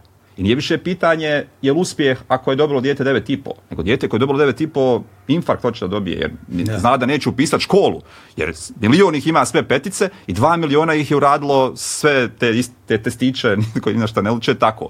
A mjesta, broj mjesta u školama u koje oni žele da idu je ograničen. I onda prije dvije godine se desilo tako da im se pojavilo sa maksimalnim brojem bodova još 40 ili 50 djece koji su ispod liste. Koji je kriterij bio? Ko se prije prijavio? koji u sistem elektronski prije unio svoje podatke, ima je više šanse da bude zadovoljan i da bude sretan. Kakva poruka, jer, kakva poruka, da, dođi prvi. Da, sad posle, pitanje je sad kakve posljedice takve poruke imaju po krajnje ponašanje društva. Znaš, kako mi onda pravimo model našeg odnosa prema tom sistemu Evo, pa, to, i šta stavimo stvari, kao prioritete. Pa stvari su bile bolje nekada kad je u pitanju ovaj završni ispit. Recimo, mi smo završni ispit, e, odnosno naši đaci su polagali u srednjoj školi koju žele. A mi smo, mi iz srednje škole smo na tim ispitima dežurali. Nama je bio cilj da nam dođu što bolji đaci. I mi nismo imali problem kakav se sada javlja, da u osnovnoj školi deca polažu, a ta osnovna škola se preko tog polaganja rangira mm -hmm. i onda svi žele da deca fantastično urade prijemni. Dakle, mi smo dobar sistem upropastili. Iz kojih razloga sad tu možemo da lamentiramo, razlog, dotle, da. razloga ima mnogo. Iz godine u godinu, uprkos koroni, nama je uh, sve viši prosek završavanja godine od prvog osnovne do četvrtog srednje. Nama su deca sve, uh, imaju sve više petica, četvoraka i sve su bolji. Bez obzira na koronu. Dakle, sa nama nešto ozbiljno nije u redu, jer to nije moguće. Pošto, mislim, jasno je da mi ne možemo za vreme korone da imamo kvalitet kakav smo imali pre. To je, to je mislim, jasno svima. Nema razloga da sada o tome pričamo. Kako, šta mi učimo decu? Mi učimo decu ako je pritisak veći, znači pritisneš ti, a onda pritisne i roditelj i prelomi se nastavnik i da bolju ocenu. I sa tom boljom ocenom ja odem u srednju školu. Ali tamo u srednjoj školi ja mislim da nešto znam jer sam imao peticu. Ali ja tamo, a ja tamo ne znam u stvari ništa.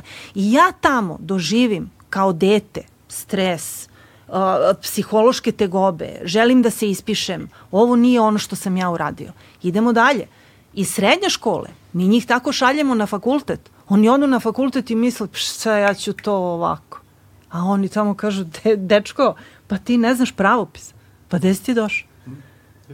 I dakle, da, ja sam imao sve te probleme, su... sam imao na svakom koraku pomenutom sam imao sve te probleme. Znači, apsolutno. U srednjoj školi sa fizikom, hemijom, tim, počnemo od toga, pa ne, ne, ništa. Vidim da evo dan danas, znači, sad evo, kažemo, 40 godina hemiju ništa ne znam. Pa ne, dobro, ali, ali, ali, a, kad si, a kad si je koristio? Pa nikad. Kad si je koristio? Mislim, ja isto se ne sjećam ničega iz. Da. hemije i fizike, možda sam imao bolje ocene od tebe, ali da, se, da. takođe kao i ti ničega ne sjećam. Dakle, ta fizika i hemija su morale da budu nešto drugo od onoga što su mm. bile. Dakle, da me sad pitaš neku formulu ili nešto, kao pa nemam blage veze, neku iz fizike nešto, nemam pojma. E tu dolazimo do toga kako nastava treba da izgleda. E, ali, šta ali, ali, treba se dešava. To je, to, je, to, je sad, to je sad jako zanimljivo. Uh, zato što, I pitanje ocenjivanja uopšte. Tako je, ali to, to je sad To je naravno ozbiljan problem, to znaju jasni namiri, oni s time bavi se, ali stvarno je pitanje, to, to, zapravo mene dve stvari zanimaju. Prva stvar je, ne, nema mnogo, ili ima veze s ovim, ali na jedan drugi način, dakle, kako to izgleda kad vi odete da s nekim razgovarate ko predstavlja vlast, kako to izgleda, vi odete tamo i kažete dobar dan, dobar dan i kako sad vi dalje razgovarate i kako vas ti ljudi slušaju i da li vas uopšte čuju i da li im je uopšte važno šta ćete mi reći. To me recimo jako zanima, kako, pošto ste iz sindikata, kako to izgleda kad sindikat odlazi da pregovara sa državom. A, a, a, a druga stvar a, koja mislim da je, da je, da je važna, stvarno se bavimo to je moj, tako sam ja ušao u cijelu ovu priču obrazovanja. Meni je zanimao sadržaj, šta je to što se uči, kako bi to moglo da se radi bolje. Ovo što i ti kažeš se. A onda sam shvatio da možda je to malo komplikovanije pitanje od jednog drugog, mnogo jednostavnijeg pitanja. A šta je problem da se povećaju plate ljudima da ih motivišeš da radi? Pa čak i da rade ovo što radi, čak i ako to nije najbolje na svetu i sve, ali da to rade i sve snage i čista srca. Tako je. Eto, to je, ali ajde... Da, e, da bi... Počnemo sastanak. Da bismo, da, da bismo imali veće plate i da bi uopšte škole bolje izgledale, mi moramo da imamo veće izdvajanje za obrazovanje. Nama je o, za, obrazovanje? za obrazovanje se izdvaja 3,8% budžeta Srbije, a od toga je 0,7% za nauku. Znači nešto tek, e, ti, nešto tek preko 3% mi e, u tom budžetu izdvajamo i želela bih da kažem da smo mi pod stavkom potrošnja to, znači potrošnja. To znači je obrazovanje u Srbiji pod stavkom potrošnje. Stavka potrošnje. Otprilike kod toalet papir. Dakle, pa, pa, dakle mnogo trošimo i moramo da, da smanjimo. Ali zanima mi, znate proseke e, u drugim zemljama? Koliko, koliko je neki prosek? Da, neku paralelu. Da. Ako sam pomenula Finsku, dakle sad mi govorimo o a, 3% našeg budžeta. Da, tako? tako je, da. A onda sad kažem 7,6 finskog budžeta. E, jedino gde se manje izdvaja za obrazovanje u Evropi jeste Moldavija. BiH ima više, mislim da kad se uzmu sve ove, kad se sve preko 4%. Dakle, Moldavije. Eto.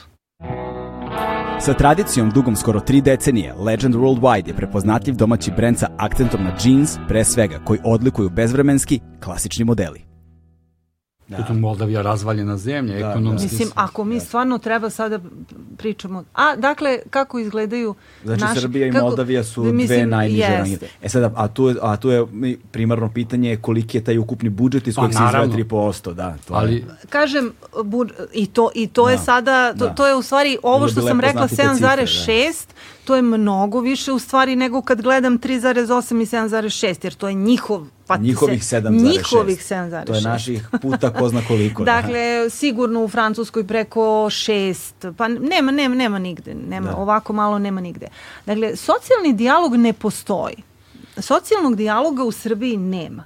Uh, so, mi, nema čak ni razgovora. Ja ne znam, ja sam prvo to uh, zvala mono, socijalni monolog, a onda sam posle prozvala unutrašnji monolog. E, mi, mi se u stvari... Ne čujete šta kaže. da, da, da. samo pravimo u stvari da nešto tu razgovaramo, zato što nama ministar kaže, ali meni su vezane ruke, meni ministar financija ne da.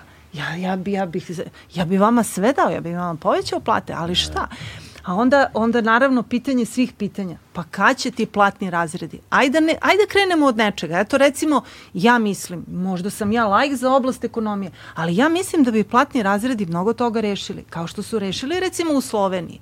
Možemo, oni su tri puta menjali taj sistem, ali su ostali pri sistemu platnih razreda. Dakle, ja kao profesor, ja kao svršeni student sam u rangu studenta medicine koji je završio fakultet. Znači, ja sam u tom rangu on čovek posle ide na specijalizaciju i dobija uh, i ulazi u, u viši platni razred. Ali mi svi smo sada u tom platnom razredu.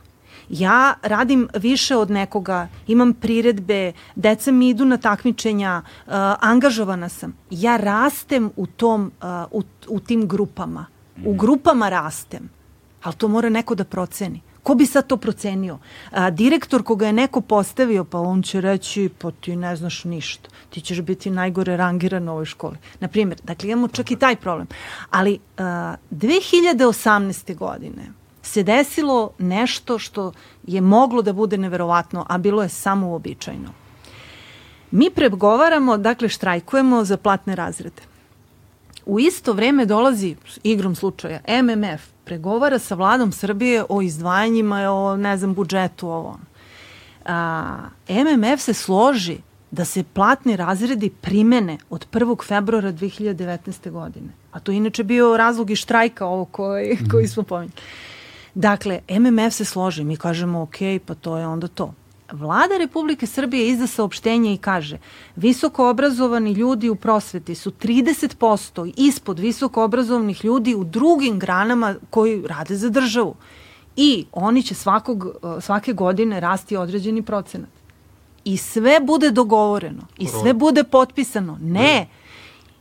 I, i desi se novembar 2018. iz nebuha platni razredi se odlažu jer nismo stigli da se organizujemo. Znači, ko je to rekao? Da. Vlada se složila. MMF se složio. Ok, mi slušamo MMF. Mislim, ja ne znam sad da. da li je to dobro, loše i tako dalje. Znači, to je to. Znači, neko je došao i rekao, je to ne može da bude. Da, ali da... Trenutno su platni razredi na 1. januaru 2025. Znači, mi smo ih odložili 20, o, dobro, sad, korona nam dobro došla, što bi rekli. Da. Znači, sad smo 1. januar 2025. Hmm. Ove, ovaj, da ne ulazim u problematiku onoga platnih razreda, kao platnih razreda, onu unutrašnju mehaniku toga, ali prosto deluje mi kao mač sa dve oštrice u, u, u ovom trenutku kad posmatramo celokupno naš sistem. Uvoditi nove pokretne delove unutar jednog već kompleksnog mehanizma, posebno tog tipa, ja, mislim da podleže a, da brojnim opasnostima. Ako imaš, ne recimo, lokalnu samoupravu iznad koje je ministar i sad lokalna samouprava određuje direktora, ti sad već imaš jedan strašno problematičan sistem u kojem tom sistemu neko treba da kaže koliko ti vrediš. Da, a možemo da krenemo samo od najjednostavnije Mo, stvari. može, recimo, e, može, može uh, ni- snižavanje plate da bude kažnjavanje za neko ko je politički nepodoban, recimo. Da, s tim U što a, trenutnoj ko je u tom nivou za, završenog fakulteta, on ne može da padne niže. Mislim, prosto on ima taj prag Ali koji može ima. da ne napreduje. ali, može da, ne napreduje, da. tačno. Ili oni koji je napredovao ali da se spusti. mora da napreduje. Na svakih tri, odnosno pet godina napreduje zato što ima više staža. U suštini mora da napreduje, čak i ako ne napreduje Ali neko ovako treba da radi drugačije. evaluaciju tog staža. E, to je. Dakle, aj, mi smo ovako predlagali, sve smo mi to, bili smo to, toga mi svesni. Iako još uvek Šarčević nije bio, čini mi se, tad promenio zakon. I rekli smo, ajde samo da se za sada delimo na one koji imaju starešinstvo i koji nemaju starešinstvo. Ajde, ajde samo to. Dakle, Da. oni koji, koji imaju to odeljenje od 35 đaka o kojima treba da brinu, da brinu. Ne samo da brinu sa da li će tu biti upisano, da li će biti Da opravdano i tako, nego da brinu šta se dešava u porodici, šta se dešava sa braćom, sestrama, da li je neko otišao, da li se vratio, šta se... Dakle, uh, biti razin starešina, to, odeljenski, tačnije, odeljenski starešina, to je jako osetljivo, komplikovano i mi smo to nekada imali jednu akciju i zvali smo e, treći roditelj. Jer to, je, to je zaista treći roditelj koji bi trebalo to dete da poznaje u glavu. I onda smo rekli, ajde tako da počnemo te platne razrede. Ajde, Evo, da mislim, počnemo od recimo, nečega. dobro rješenje u standardima u kantoru Sarajeva jeste da razrednici imaju čas norme manje, dakle, kogod je to, dakle, ako je, ne znam, norma 18 za materni jezik, ima 17, dobija dodatno čas razredništva plus čas pripreme za to, dakle, to su neka dva sata, dobija još na, na saradnju sa roditeljima dodatno pola sata i dobija još pola sata više za pedagošku dokumentaciju od svega. Dakle, da negdje ono, u, u njegovom rasporedu u 40 sati sedmično, dakle, ima neka 4 sata za, za rad koji su u odnosu na nekoga ko to nije. A ko- koliko je to novca? Pa sad ovisi, o- mi platni razrede imamo, ovaj, ovisi, ovisi, ovisi ovaj, koliko je, ali evo sad 4 sata, kad se prevede, pa negdje blizu 100 eura. Blizu 100 Blizu eura. 100 Ako eura, nas je da. 2000 dinara. Da. Fu. A, a pitanje je jedno sad, ne bih da po, po, podrivam, ovaj, ali a, kako, da, koliko su transparentni, odnosno koliko su javni ti elementi tog, tih platnih razreda, koliko, znači kako oni, kako oni dinamiku odnosa kreiraju među prosvetnim radnicima, a s druge strane, a s druge strane među roditeljima i nastavnicima. Dakle, ovdje u, u, u Sarajevu recimo je pro, taj pravilnik o Jel ja kao roditelj znam kako je rangiran neki nastavnik? Tako ne, ne, apsolutno ne. E, pravilnik je napravljen tako da ukoliko nastavnik ne ubije čovjeka dok dolazi u školu i ovaj da uradi bilo šta drugo, napreduje sa godinama staža. Dakle, jer u biti kriteriji koji su postavljeni tamo su apsolutno smiješni i ovaj i to je u biti uvrijedite svakoga ako me ne date maksimalan broj bodova jer ispunjava sve. Kriterije, da li, kao ide kriterij, ispunjava nastavni plan i program. Dakle, ako je zakonski da moraš ispuniti nastavni plan i program, šta je to ispunjava nastavni plan i program za četiri? Malo nešto nije ispunio nastavnog plana i programa. Dakle, mora, po zakonu mora da ga završi, ali ovdje to nešto kao rangirano. Onda prisustvuje priredbama, ne znam, radi te i te stvari i ono što je najčudnije od svega, školska komisija donosi odluku o napredovanju. Dakle, unutar škole je postavljeno tako. I svake dvije godine se komisija mijenja. Naravno, niko neće da protiv svojih kolega jer zna da će i te kolege doći na red da ovo urade te svo- ti. tako je koji će ocenjivati stvari i onda se uvelo da se napreduje nakon, ne znam, pet godina, svakih pet godina se zapravo napreduje, plus postoji neka vanredno napredovanje, plus postoji nakon od nekoliko godina od vanrednog napredovanja 10% na plaću do kraja do penzije i ovaj i to je tako. Dakle neko treba da strpi sa 20 godina i dođe do maksimalne plaće Da koju može strpi. koju može da malo da se strpi eto tako i da ne, ne učini bilo ali što to drugo. nije, to nije, to nije, to nije baš toliko besmisleno kao što izgleda i kao što ja verujem da kad bi se uvelo da bi ovde neko to zloupotrebio očas posla. Ta, to je moj utisak na razne načine. Ali, ali hajde da gledamo ovako. Pritom, čini mi se da sad kada razgovaramo, recimo ja sam roditelj, imam dete, dete treba da ide u školu i mene zanima bre kako će mom dete da bude u školi. Šta mene briga šta muči nastavnike, šta mene briga kako škola izgleda. Ja bre hoću da moje dete ode u školu, da bude tamo zadovoljno i da se vrati iz škole sa nečem. Ništa me drugo ne zanima.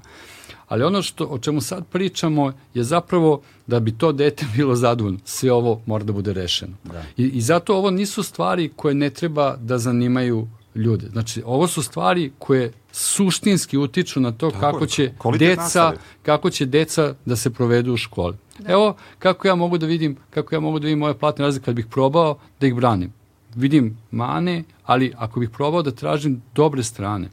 Ti zapravo hoćeš, to je ideja, kad neko uđe u školu, da ima neku ideju o tome kako će kroz tu školu uslovno rečeno napredovati. Napredovati i kao nastavnik, sticati nova znanja, nove veštine, sve, ali napredovati u tom materijalnom smislu. To je zapravo neka vrsta motivacije da ostaneš u školi.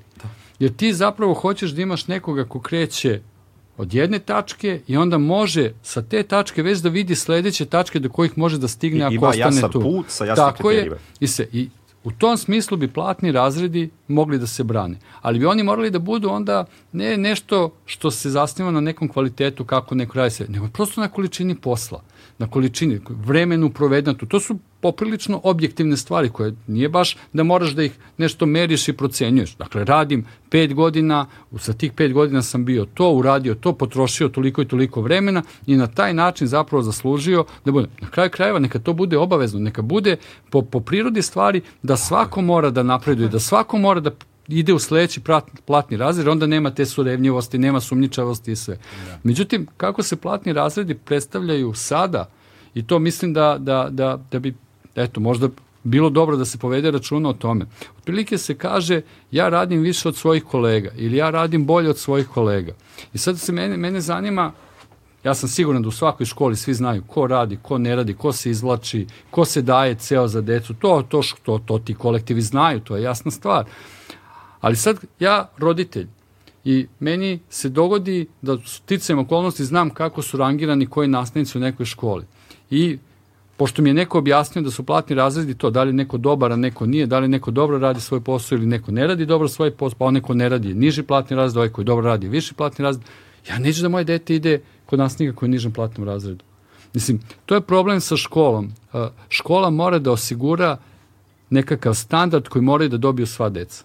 I nema boljih i loših nastavnika. Nema, prosto za mene koji šaljem dete u školu, ne želim čak ni da slušam da ima i bolji, mada znam da ih ima i kao roditelj sam znao da moja deca idu kod nekih nastavnika koji su u redu i kod nekih nastavnika koji nisu u redu. Sve, sve to je jasno.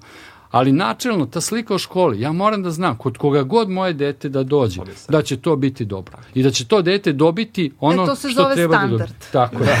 e, I onda mi se čini da kad se uvodi, kad se uvodi, kad se uvodi priča o platnim razredima, da mora da se čuva ta priča o standardu. Dakle, platni razred ne sme da utiče na standard. Ne možemo da pričamo o tome da u školama rade ljudi koji nisu dobri, pa ćemo da ih kaznimo tako što ćemo im dati male plate. Ama ako ne rade dobro, ne treba da rade u Radi, o školi. tome se radi. E, I- Da, ali ti to nemaš, mislim- ali ti nemaš ni radnike sada, mislim, odnosno A, to- prosvetare. a to je, pa, a to je cela Posljedica. ta... Ti imaš, tako je, Svega. ti imaš, ti imaš, ti imaš To, to je to je ozbiljno. Zato mene zanima kako s vama razgovaraju ljudi u ministarstvu. Da, I da li da. oni uopšte razmišljaju o, o nekakvim dugoročnim politikama i o dugoročnim, dugoročnim posledicama njihovih, njihovih odluka. Dakle, i ako se dogovorite oko platnih razreda, ako vi mislite da je to rešenje, meni je to odlično i mogu da razumem iz ove perspektive da je to neka vrsta motivacije, ne da neko radi bolje svoj posao, nego da se što drže zadrži na tom poslu. Jer će ljudi odlaziti iz škole, jer će nalaziti bolje plaćene poslove, to je jasno ko dan. Dakle, vi na taj način motivišete nekoga da provede svoj radni vek u školi. Za razliku od drugih stvari u privredi, gde ti imaš firme koje traju 5 godina, 10 godina ili 2 dana, škola traje iz perspektive onoga ko su u njoj zaposli za ovek. I moraš da imaš neku motivaciju. i ambiciju. I ambiciju da- Postoje da ostaneš u, tu. U, u školama postoje ambiciozni ljudi. I oni sada tu svoju ambiciju, to, to je neka lična dimenzija. Da. Znači, da li će biti ambiciozni ili neće, to, to niko njih ne nagrađuje za to, nego prosto oni su takvi. Oni rade to zato što su Ne oni takvi, jer ne, ne znaju drugačije, tačno. Da. Da. eto, oni su krivi.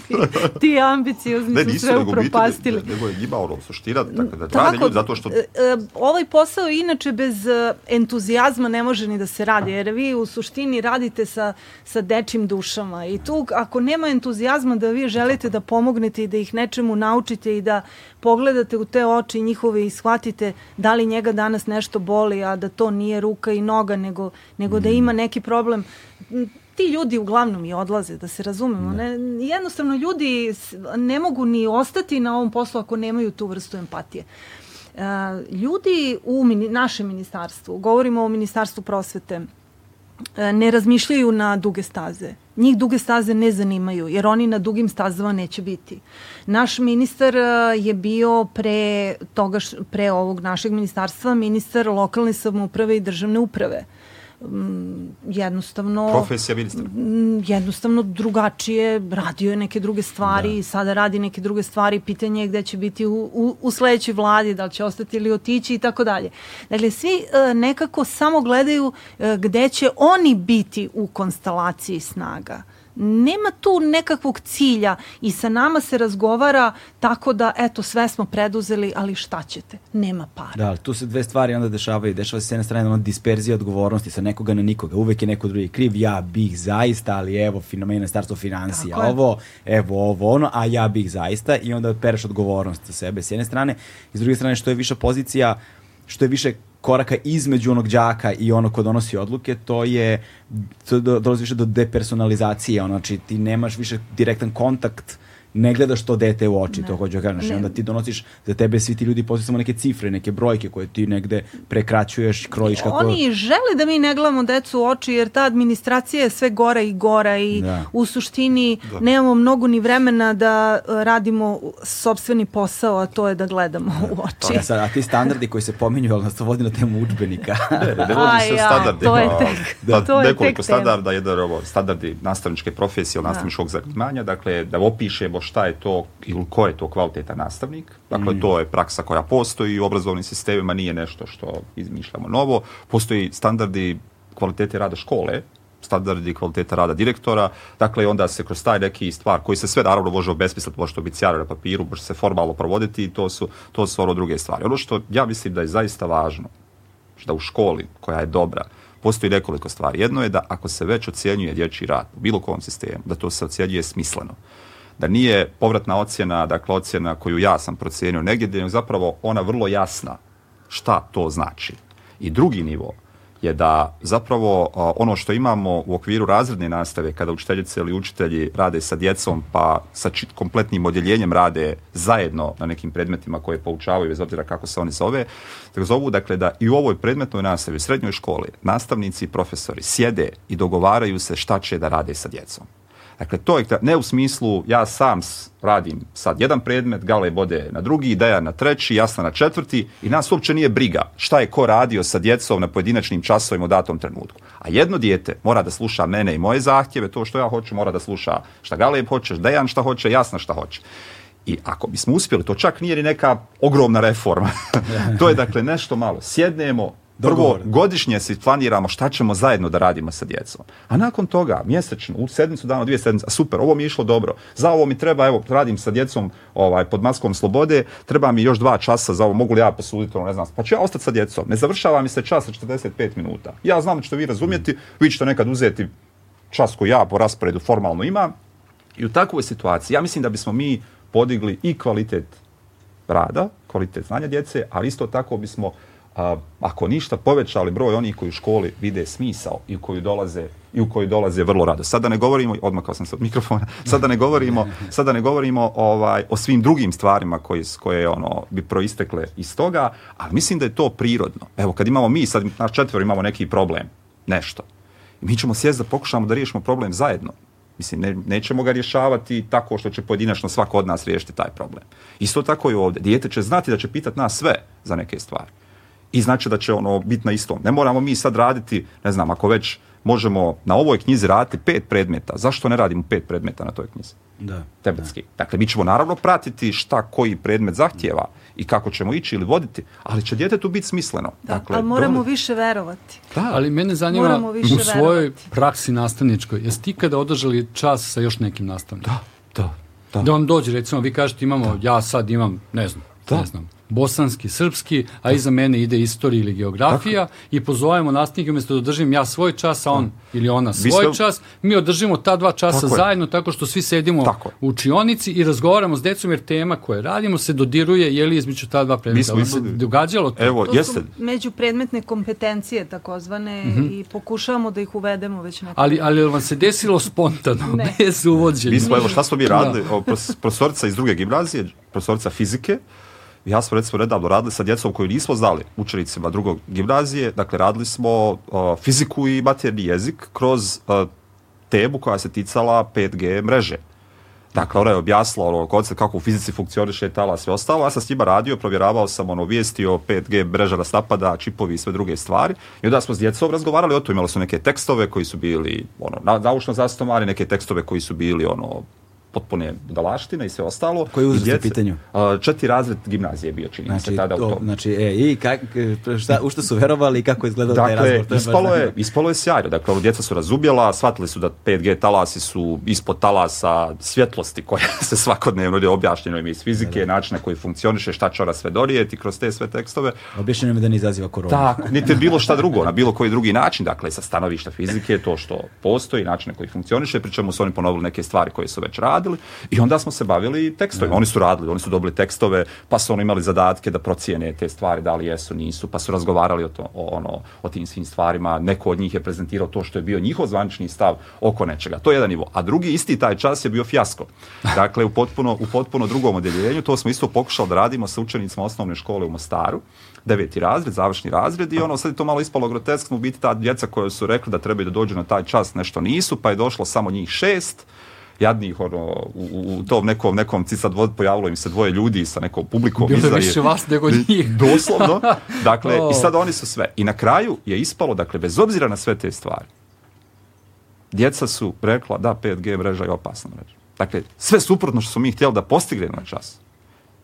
I shvatili smo da zaista je ono problem.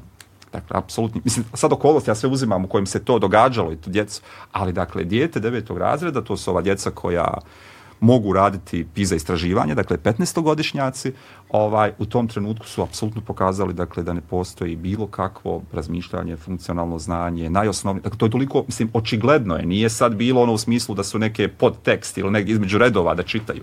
Mislim, bilo je vrlo jasno objašnjeno načela fizike i ostalo. Tako da ima i to je zaista ono, a, intuitivno. Dakle, najprirodnije je da dođe kolegica ili kolega koji radi nešto drugo i da drže čas i nije ono nepoznata praksa. Postoje Da, da, da. stvari, ali treba da bude sistem, treba da bude Tako je, prirodno, tako je, da je to tako da mi kad dođemo, imamo danas Da želimo, svi prve časove, da jeste, želimo, i da. došli smo 40 minuta ranije da porazgovaramo onome što ćemo raditi ove sedmice i da samo provjerimo To je jedna stvar koja je meni nedostajala celokupno moje obrazovanje. Nedostajala mi je želja da odem u školu.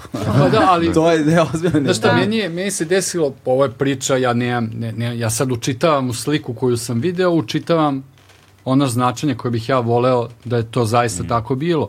Ovaj, se, bez veze, neki kafić na Novom Beogradu i, i, ovaj, i sad, ne znam, ja sam čekao Anu da nešto završi i sad sedim sam tu i do mene sede neki ljudi. I sad naravno ja prisluškujem šta oni pričaju i oni pričaju o školi. I sad sedelo je početku njih troje.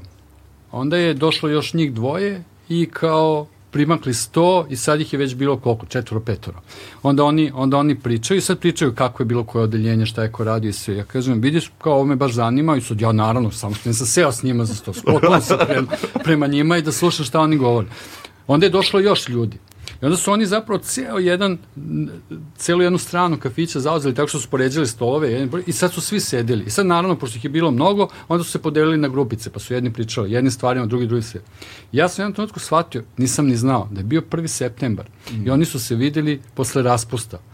Naravno, oni se viđaju posle raspusta, ali ne tako svi zajedno, jer dolaze u školu pojedinačno i sve, ali su se videli svi zajedno. I oni su seli, pošto su završili svoju smenu, seli su svi zajedno, prvo da vide kako je, ko šta radi sve, a drugo da razmeni iskustvo, pričali su oni o deci, šta rade deci. Spomenuo se, Bog te vidi, ja bih volao da moje dete idu u ovu školu. Vidi kako su oni druže. Kao, znaš, nije ono da su pobegli kući i da kao se, ne, nego su ostali posle završenog posla da jedni druge vide, da pitaju kako su, šta radi se. Meni se to dopalo, mogu da kažem i koja je škola na Novom Beogradu.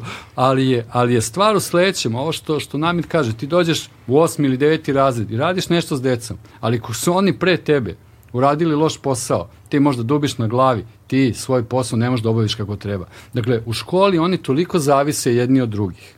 Da je to a, a, mnogo više nego u nekim drugim oblastima. Dakle, oni potpuno moraju da se oslone jedni na druge. I onaj ko nešto postavi na početku, taj učitelj ili učiteljica, na tome grade svi drugi. Ono što je potpuno fantastično, to je da zapravo ja ne znam koliko se u školama razgovara, nastavnici sa učiteljicama, kako se to, ja se recimo sećam, sad to su moje, ja recimo ja sam volao da idem u školu. Da, blago tebi. Možda sam imao, znači, ali se ja sećam da, je, da, je, da su nama nastavnici u ovim starijim razredima govorili šta je naša učiteljica, njima govorila o nama i kako oni dobrate pažnju na svakog od nas. Naravno, to sam znao kad sam jednom završio osnovnu školu, bio sam tako vezan za osnovnu školu mm. da sam ja i posle osnovne škole odlazio tamo da ja njima kažem šta ja radim kakve ja ocene sad imam ili šta ću ja da studiram. Da, da. Potpuno neverovatno kao. Nisam roditeljima mojim govorio, da, da. ali sam imao potrebu da odem u školu da kažem, ne znam, nastavnici, e, ja sam, ne znam, uradio to i to, kao da se pohvalim. Ali a i onda saznam zapravo da su oni nas vodili tako što su oni razmenjivali informacije, zato što tako što je naša učiteljica njima svima objasnila kakav je svako od nas pojedinačno i na što oni da obrate pažnju i sve. I meni je to bilo, kao i rekao, impresivno. Mm. Znaš, da se neko na taj način sa nama bavio. E sad ja ne znam da li se to tako, događa. Da li se... To je taj da. entuzijazam. Da, praksa u školi, recimo u školi koju sam ja postoji, u zadnje četiri godine bi doslovno svaki put kada radi se unutar osnovne škole taj prelazak, dakle doslovno sjednu svi nastavnici koji će te godine predavati u udjeljenju sa učiteljicom ili učiteljem koji je vodio razred i prije početka školske godine doslovno šta koje dijete, na što treba obratiti pažnje, ko kako reaguje, ko kakve ima stvari, ljudi stvarno zapisuju i taj učitelj, učiteljica su tu tokom cijele godine da se to radi. To dobro funkcioniše, dakle što se tiče to je neke prenosne informacije.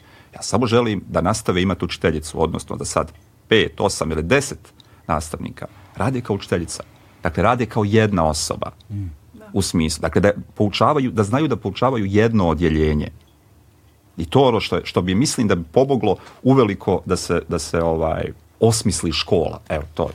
Za mene je najznačajnije uvek bilo u životu, generalno posmatrano, nekako sam ja to, nekako sam to podelio kao, ok, da, kao, podatak je, ne znam, ono, naša reč za informaciju, ali opet ja pravim razliku između podatka i informacije na nivou kao, za mene informacija podatak u kontekstu nekom. I onda s, u, sve što sam ikada naučio, što sam zapamtio, što mi je ostalo negde za ceo život, jeste kad sam iz jedne oblasti pokupim neke informacije, neke principe, nešto razumem i onda u nekoj sasvim drugoj oblasti primetim transfer toga transfer, i da, transfer, da, i, to, i tada počinjem da razumem kada se ti principi primenjuju na nešto što mi je na, izgledalo naj, na, što mi je na izgled bilo nespojivo, jednom shvatim da se to prenosi veoma dobro, zbog čega nam je teorija ovaj bila zanimljiva. Ovaj, to je bio trenutak kada ja shvatim da nešto znam. A, I ono što je meni negde uvek u obrazovanju sad iz ovog ugla kad posmatram hodom unazad nedostajalo jeste da razumem na primjer to što smo rekli možda na tržištu rada znanje fizike nije primenljivo u tom direktnom ekonomskom kontekstu, ali ono što su principi koje naučiš tu, kada ti ih prepoznaš u svemu što koristiš Tako danas, je. od mobilnog telefona, Tako kompjutera, ne znam, proizvodnje ovoga ili onoga, Tako industrijskih je. procesa ovakvih ili onakvih, odjednom shvatiš, aha, ta fizika je zapravo važna, ali mora da postoji to ta vrsta preklapanja, ta vrsta dubljeg razumevanja onoga što je naučeno. A drugim rečima mora život da uđe u školu. Tako je. Mora život da, da uđe u školu, ali sad Mm -hmm. samo, samo ću ovo, ne, ne, ne, mislim, prosto ono, samo, samo bih sve vreme pokušavam, a ne, ne znam, to, to, to, to i jasno radi, sve s tim što jasno mora da razgovara, jeli, sa tim ljudima, sve vreme bi voleo da, da, da, da, da, da to bude jasno. Koliko je škola jedan složen i osetljiv mm. sklop i koliko zavise ti ljudi jedni od drugih i koliko to kako se oni odnose jedni prema drugima i koliko komuniciraju jedni prema drugima i koliko poverenja imaju jedni u druge. To od toga zavisi kako će ta deca proći kroz tu školu i da li će se kao ti sa tugom i, i strahom sećati svakog 1. septembra ili će, ne znam, možda kao što sam ja odlazio dugo, pošto sam završio školu, odlazio u tu istu školu da se pohvalim, ne znam, što sam i dalje, ne znam, pristojan đak, debil, mislim, ne, da. kako bih rekao, ali to mi je, ja sam mislim da je to važno. Potreba da budeš, je bilo tada. Da, da, da, da budeš dobar đak. Mislim, kretenski, ali tako je bilo. I, ovaj, i sad je meni, sad, sad je meni, kako bih rekao, kad to sve znaš, kad znaš koliko oni zavisi jedni od drugih, kad znaš koliko taj kolektiv mora da bude kompaktan i zaista da stoji na nekakvom međusobnom poverenju. Pogledaj sve mere, ali apsolutno sve mere koje uvodi naše ministarstvo i koje rade naše obrazovne politike. Sve što oni rade je zapravo da razvoriš taj kolektiv. Da. Dakle, opterećuješ nastavnike, ne dozvoljavaš im da imaju pristojan svakodnevni život, ne dozvoljavaš da jedni sa drugima budu prijatelji ili makar kolege, nego zapravo sve vreme ih teraš da se sudaraju, da se sukobljavaju među sobom i sve. To ide naravno od toga kako im postavljaš direktora. Mm. A onda, znači, kad taj direktor dođe sa ovako kako je jasno to opisala, onda on stvara neku dinamiku unutar kolektiva. I onda umesto da direktor bude taj koji će da usmerava ljude jedni prema drugima, on traži svoje koji će da ga podrže i okrenut će ih protiv ovih drugih koji kažu čekaj malo, ali ti stvarno ne znaš da radiš ovaj posao, nije, nije u redu što si uopšte ovde, ajde par pusti, skloni se, u redu, moraš da budeš tu jer je neko rekao da budeš tu, ali budi dovoljno pametan pa se skloni, pusti nas, mi ovaj posao znamo bolje od tebe, pusti nas da se mi između sebe organizujemo, ti primaj svoju platu i nemoj da se mešaš jeli, u ono što mi radimo. Dakle, postoje razne, razni dogovori tu. Znaš, ne mora ni taj direktor koji je došao na taj način da bude baš potpuni skot. Mm, ali, ali, ali struktura njegove je. ličnosti to Naravno, ne čim je pristao na to, da, da, da, normalno. Ali, ali, je, ali, je, ali, ali se o tome radi. Dakle, mi mislimo da naša škola ne radi iz ne znam kakvih razloga, ali razlozi su kad sve ovo razložiš i kad sve ovo znaš, vrlo banalni. I nije to velika pamet. Mi stalno mislimo, znaš, Namir priča o reformi ili kad slušaš Borisa Jokića kako bi to ipak deluje komplikovano Namir. I kao to ishodi. Znaš, ja i dan danas kad bi mi neko pitao da objasnim šta su ishodi, ja bih rekao, ma bre, deca treba da izađu sposobno da se snađu u svetu. Kakvi crni ishodi? Znaš, me, kako, ta reč ishodi meni onoma kako kome to treba uopšte u tom govoru o školi. Da. Ali, ali, ovaj, ali, ali, ali kad razložiš na ovaj način, da oni moraju da razgovaraju između sebe, da moraju da rade zajedno, da moraju da pričaju toj deci. Sad ja dolazim u školu, nisam imao nisam imao dovoljno novca da svom detetu recimo kupim ne znam šta, patike na primjer, ranac za školu i sve. A sad treba da vodim računa o nekoj drugoj deci čoveče Bože, ja bre, u školi sam i sve vreme razmišljam o onom mom detetu i šta će s njim da bude. Znači, to su jako komplikovane stvari, to, to su ljudi koji imaju svoje živote. Mi nastavnike gledamo samo kao lice koje izlaze pred decu. Uopšte ih ne zamišljamo kao ljudska bića. Tako je. To je meni potpuno fantastično. I kao roditelj. Tako je, da. da. Ja, znaš, ja, ja sam Koji išao... Koji i decu u školi. ja sam išao na te roditeljske sastanke, naravno, moja deca su meni uvijek govorila, e, nemoj molim ti ništa pričaš tamo. Da, da, kao, idi i čuti. Kao, nemoj. Znači, onda, a onda sam shvatio da su to isto rekli svojoj razrednoj. Znaš, onda, onda razredna kao proziva roditelji, pošto roditelji obično čute na tim sastancima, kako, ne znam kako se to zvalo, roditeljskim sastancima, i onda one obično čute i onda ona, ona proziva roditelji da se izjasni. I onda dođe do mog deteta i onda preskoči, da mi ne bi dala razloga da ja pričam i ide dalje. I onda ja shvatim ne samo da su one meni rekle, da ja se tamo ne javljam, nego da su i nastavnici rekli da mi ništa ne pita. Da, Jer kao, znaš, strašno će da bude. I ovaj, ali, ali, ali, ali za mene ta nastavnica uvijek bila samo nastavnica moje dece. Ali stvarno je nikad nisam vidio kao ljudsko biće. Sramota me je da to priznam. Da. Sram, majke mi je sramota. Ja sam ušao, kad sam shvatio da su, znaš kad sam shvatio da su nastavnici ljudska bića? Završio sam osnovnu školu i onda sam otišao kod svoje nastavnice matematike, koja je bila jedna predivna žena, i otišao sam kod nje kući. Ja shvatio da oni slušaju muziku.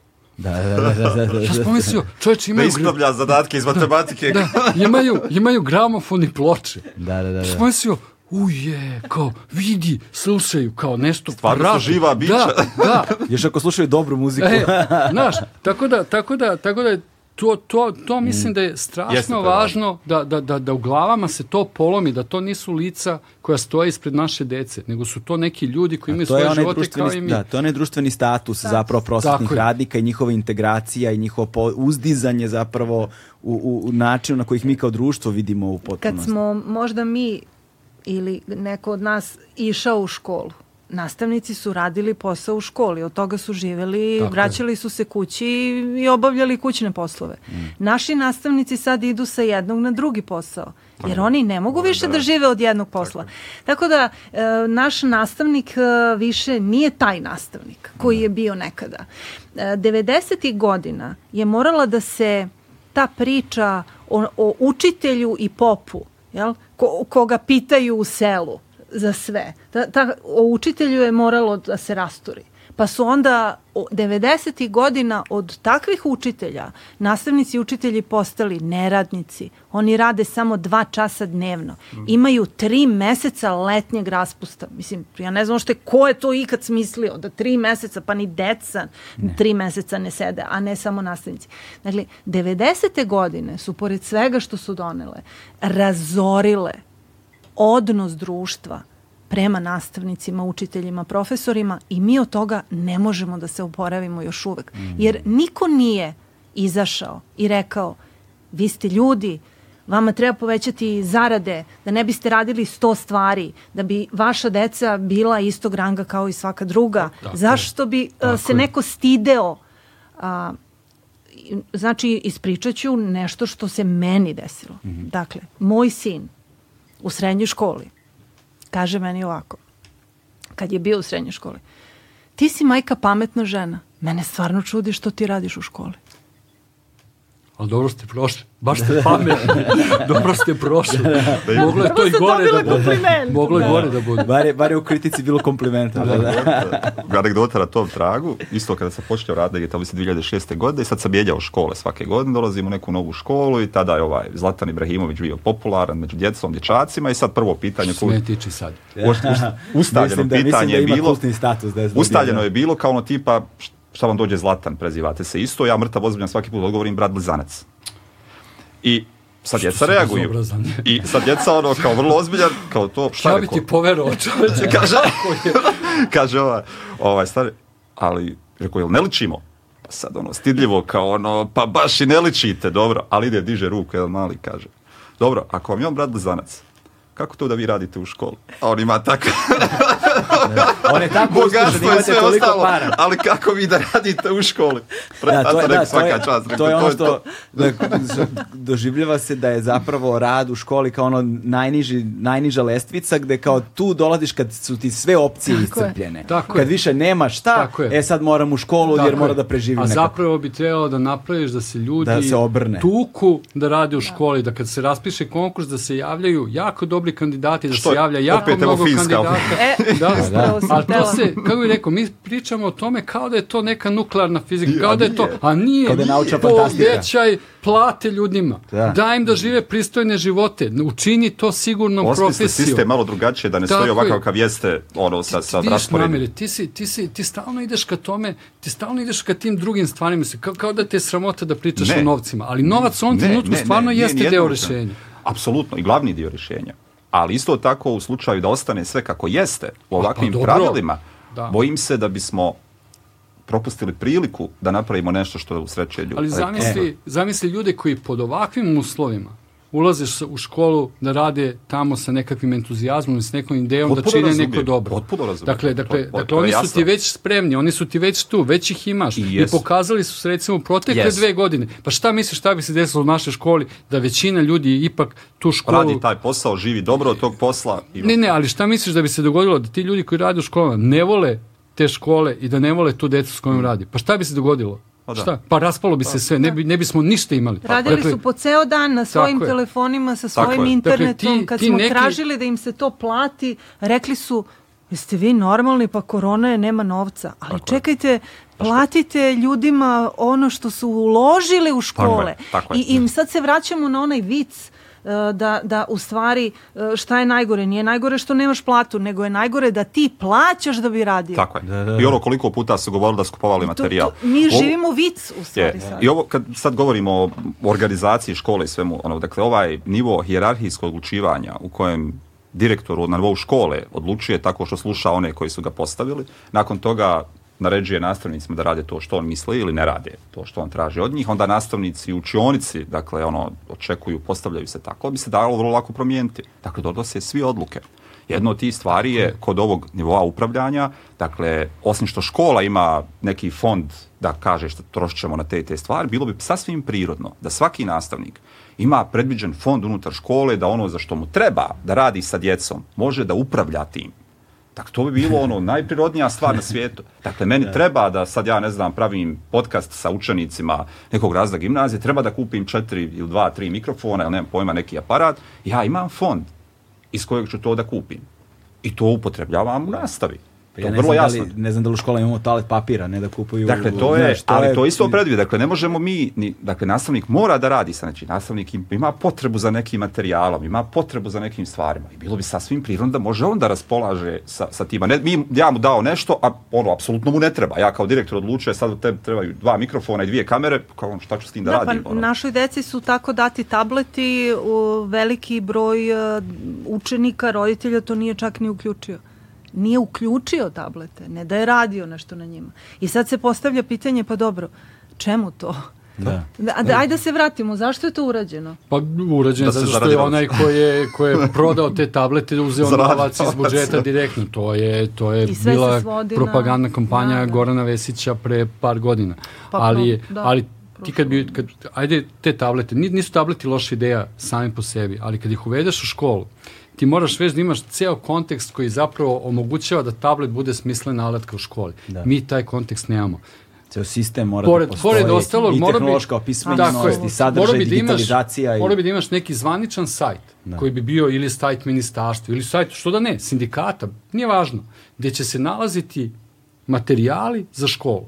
I kad ti imaš tablet, ja ne znam da li sve škole u Srbiji imaju internet, ali to je sad posebno pitanje. Znači moraš da imaš internet, moraš da imaš neki sajt ili već neko mesto gde se odlazi po materijale. I onda tablet zaista ima smisla. Bez toga, on je igračka, on stvarno ne služi ničemu jeli, na, na, na tom času. Niko se nije potrudio da stvori to okruženje, ali je zvučalo zgodno u propagandne svrhe da se kaže, evo, podelili smo deci tablete. Da, Mi, A- mi najčešće, izvinjam se sad da ne zaboravim samo, mi najčešće e, kad pričamo o školama mislimo na gradske škole i Tako što, je, tako ja je. volim da Tako je. kažem na krug dvojke, mislim Tako je. protiv koga naravno nemam ništa, nego mi najviše volimo tu da govorimo Tako o je. tome kako su škole fantastično uređene. Šta se dešavalo nama u vreme korone? A, škola, roditelji nemaju telefone, nemaju laptopove, ne- nemaju nikakvo, ne, nemaju ništa čime bi dete moglo da primi informaciju. Škola štampa materijal Jeste. u papiru, smo, smo dođe da. roditelj, uzme te papire, odnese kući, dete to popuni, uradi domaći, vrati da se pregleda. To se nama dešavalo i, i e, mi smo stalno bili, imali neku ideju da svi imaju laptopove, da svi imaju telefone. Pazite ovo.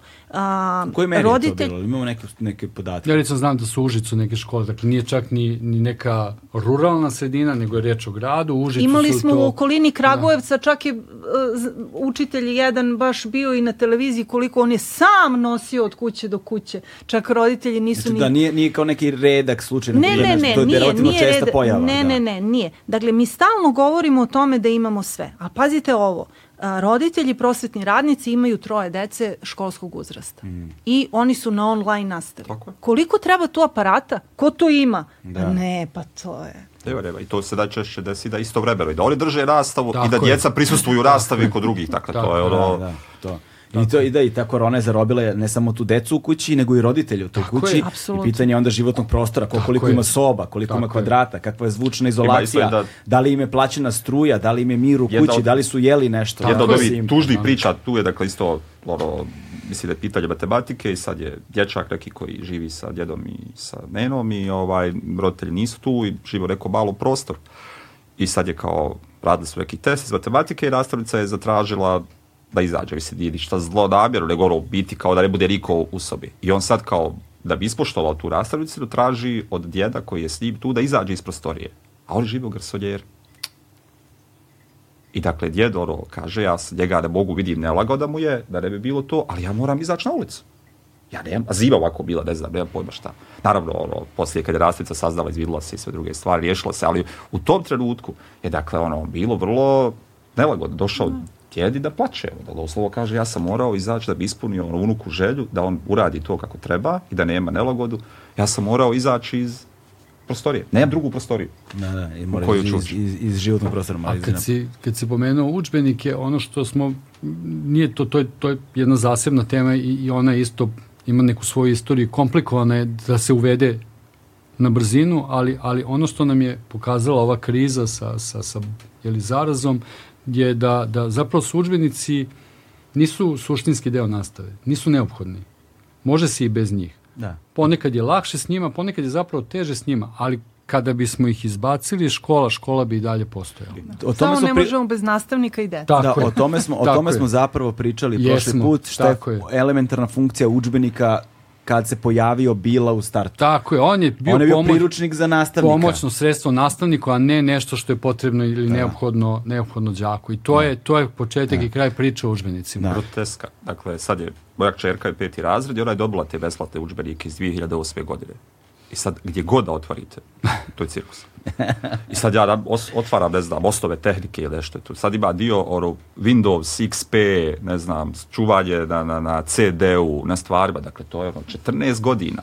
To sad neko treba da šta čita i uči tekst, jer je to ono, udžbenik obavezno nastavno sredstvo, pa mora da postoji. Dakle, to je, I takvih je more primjera. Dakle, jer je udžbenik vrlo rijetko se mijenja, dakle teško ga je napisati, štampati, Tako je. veže se direktno za sadržaj koji u tom trenutku postoji u nastavnom planu i programu, jer Tako to je je. jedina funkcija. Tako je. I onda naravno, nakon pet godina dobijamo grotesku, kad god da ga se uzme unutar, unutar A, ovaj, a nove tehnologije su nam donele tako ubrzano vreme, mi iz Tako meseca, iz godine u godinu živimo radikalno drugačije vreme i ti ako ćeš, kako ćeš ti da update-uješ Dobro, na je- to bi ti odgovorili ljudi ne bi bili ne bi bili sasvim u krivu kad bi ti to rekli. Imaš neke stvari koje koje stoje. Recimo sad ja dajem nasumice primere. Književni kanon se ne menja baš iz godine u godinu. Ako Da. ti odlučio koji bi to pisci bili zanimljivi da se rade, pošto smo ovde svi izgleda profesori književnosti, koji bi to, koji bi to pisci bili Svi smo zanimljivi? za književnosti, da.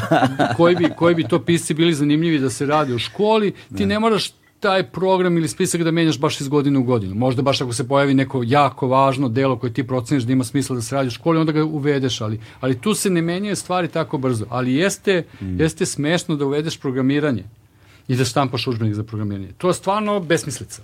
To kao čo, on pamet staje kao z, z, z, da, se, da se to radi.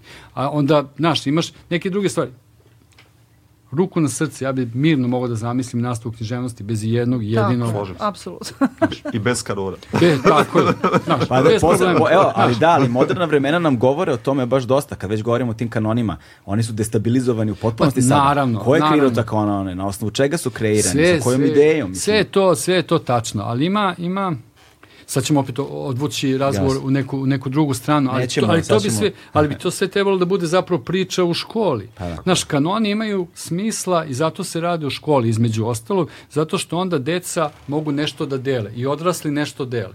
I onda kad ti radiš neke reference, kad hoćeš nešto da opišeš, onda ti kažeš to ti je kao što smo čitali to i to, pa se tu desilo tako. Ili kad odgledaš neki film, pa kažeš, znaš u tom filmu, pa imaš taj problem kao u toj i toj knjizi. Dakle, kanon, kanon nije umiranje u lepoti. Nije to, ne postoji on zato što je to nešto estetski uzvišeno ovako i onako, pa sad mi to čitamo da umiremo u lepoti. Ne, to je jedno, jedan, kako bih rekao, jedna osnova za komunikaciju. I onda mi podelimo nešto u toj školi, isčitamo svi neka slična dela ili ista dela ili sve ostalo i onda možemo da komuniciramo između sebe na osnovu toga. Ali jako je zanimljivo. Ulogu kanona su sad preuzeli, to, to ja to i namir radi, ne znam, to je to kad, kad radiš tu takozvanu medijsku pismenost. Šta, šta je danas preuzelo ulogu kanona? Pa popularna kultura. Popularna kultura ima te referencije na koje se mi pozivamo kada komuniciramo između sebe. Dakle, ti mirno možeš da zamisliš nastavu i književnost drugo bez i jednog književnog dela. Možda gledaš filmove, serije, da igraš igrice sa decom, jer je to deci mnogo bliže. U ovom trenutku ona mnogo lakše komuniciraju preko tih A u svakom sadržaja. od njih postoji priča. Tako je. Mnogo lakše komunicirati. I sad, sad, je, sad je pitanje, da li hoćeš decu da opterećuješ, da nauče ono što je nama bilo važno kad smo mi bili išli u školu i kad smo, ne znam, studirali književnost, da li hoćeš to da im daš, jer misliš da je to vrhunac svega, ili zaista hoćeš da im pokažeš čemu služe takve stvari. I onda izađeš u susret njima i njihovim potrebama, pa kažeš, e, jeste gledali, ne znam, šta, igru prestola. Dosta, to je možda preambiciozno zbog onih raznih scena, jeli, zato što je, jeli, rangirano tako da ne mogu baš sva deca to da Samo gledaju. Tako je. Da, očigledno nikad nije, nema de, Ne mogu u školu. A, da, ali, ali, ali, ovaj, ali znaš, kao praviš referencije na to i onda im pokažeš čemu to služi, koja je uopšte ideja.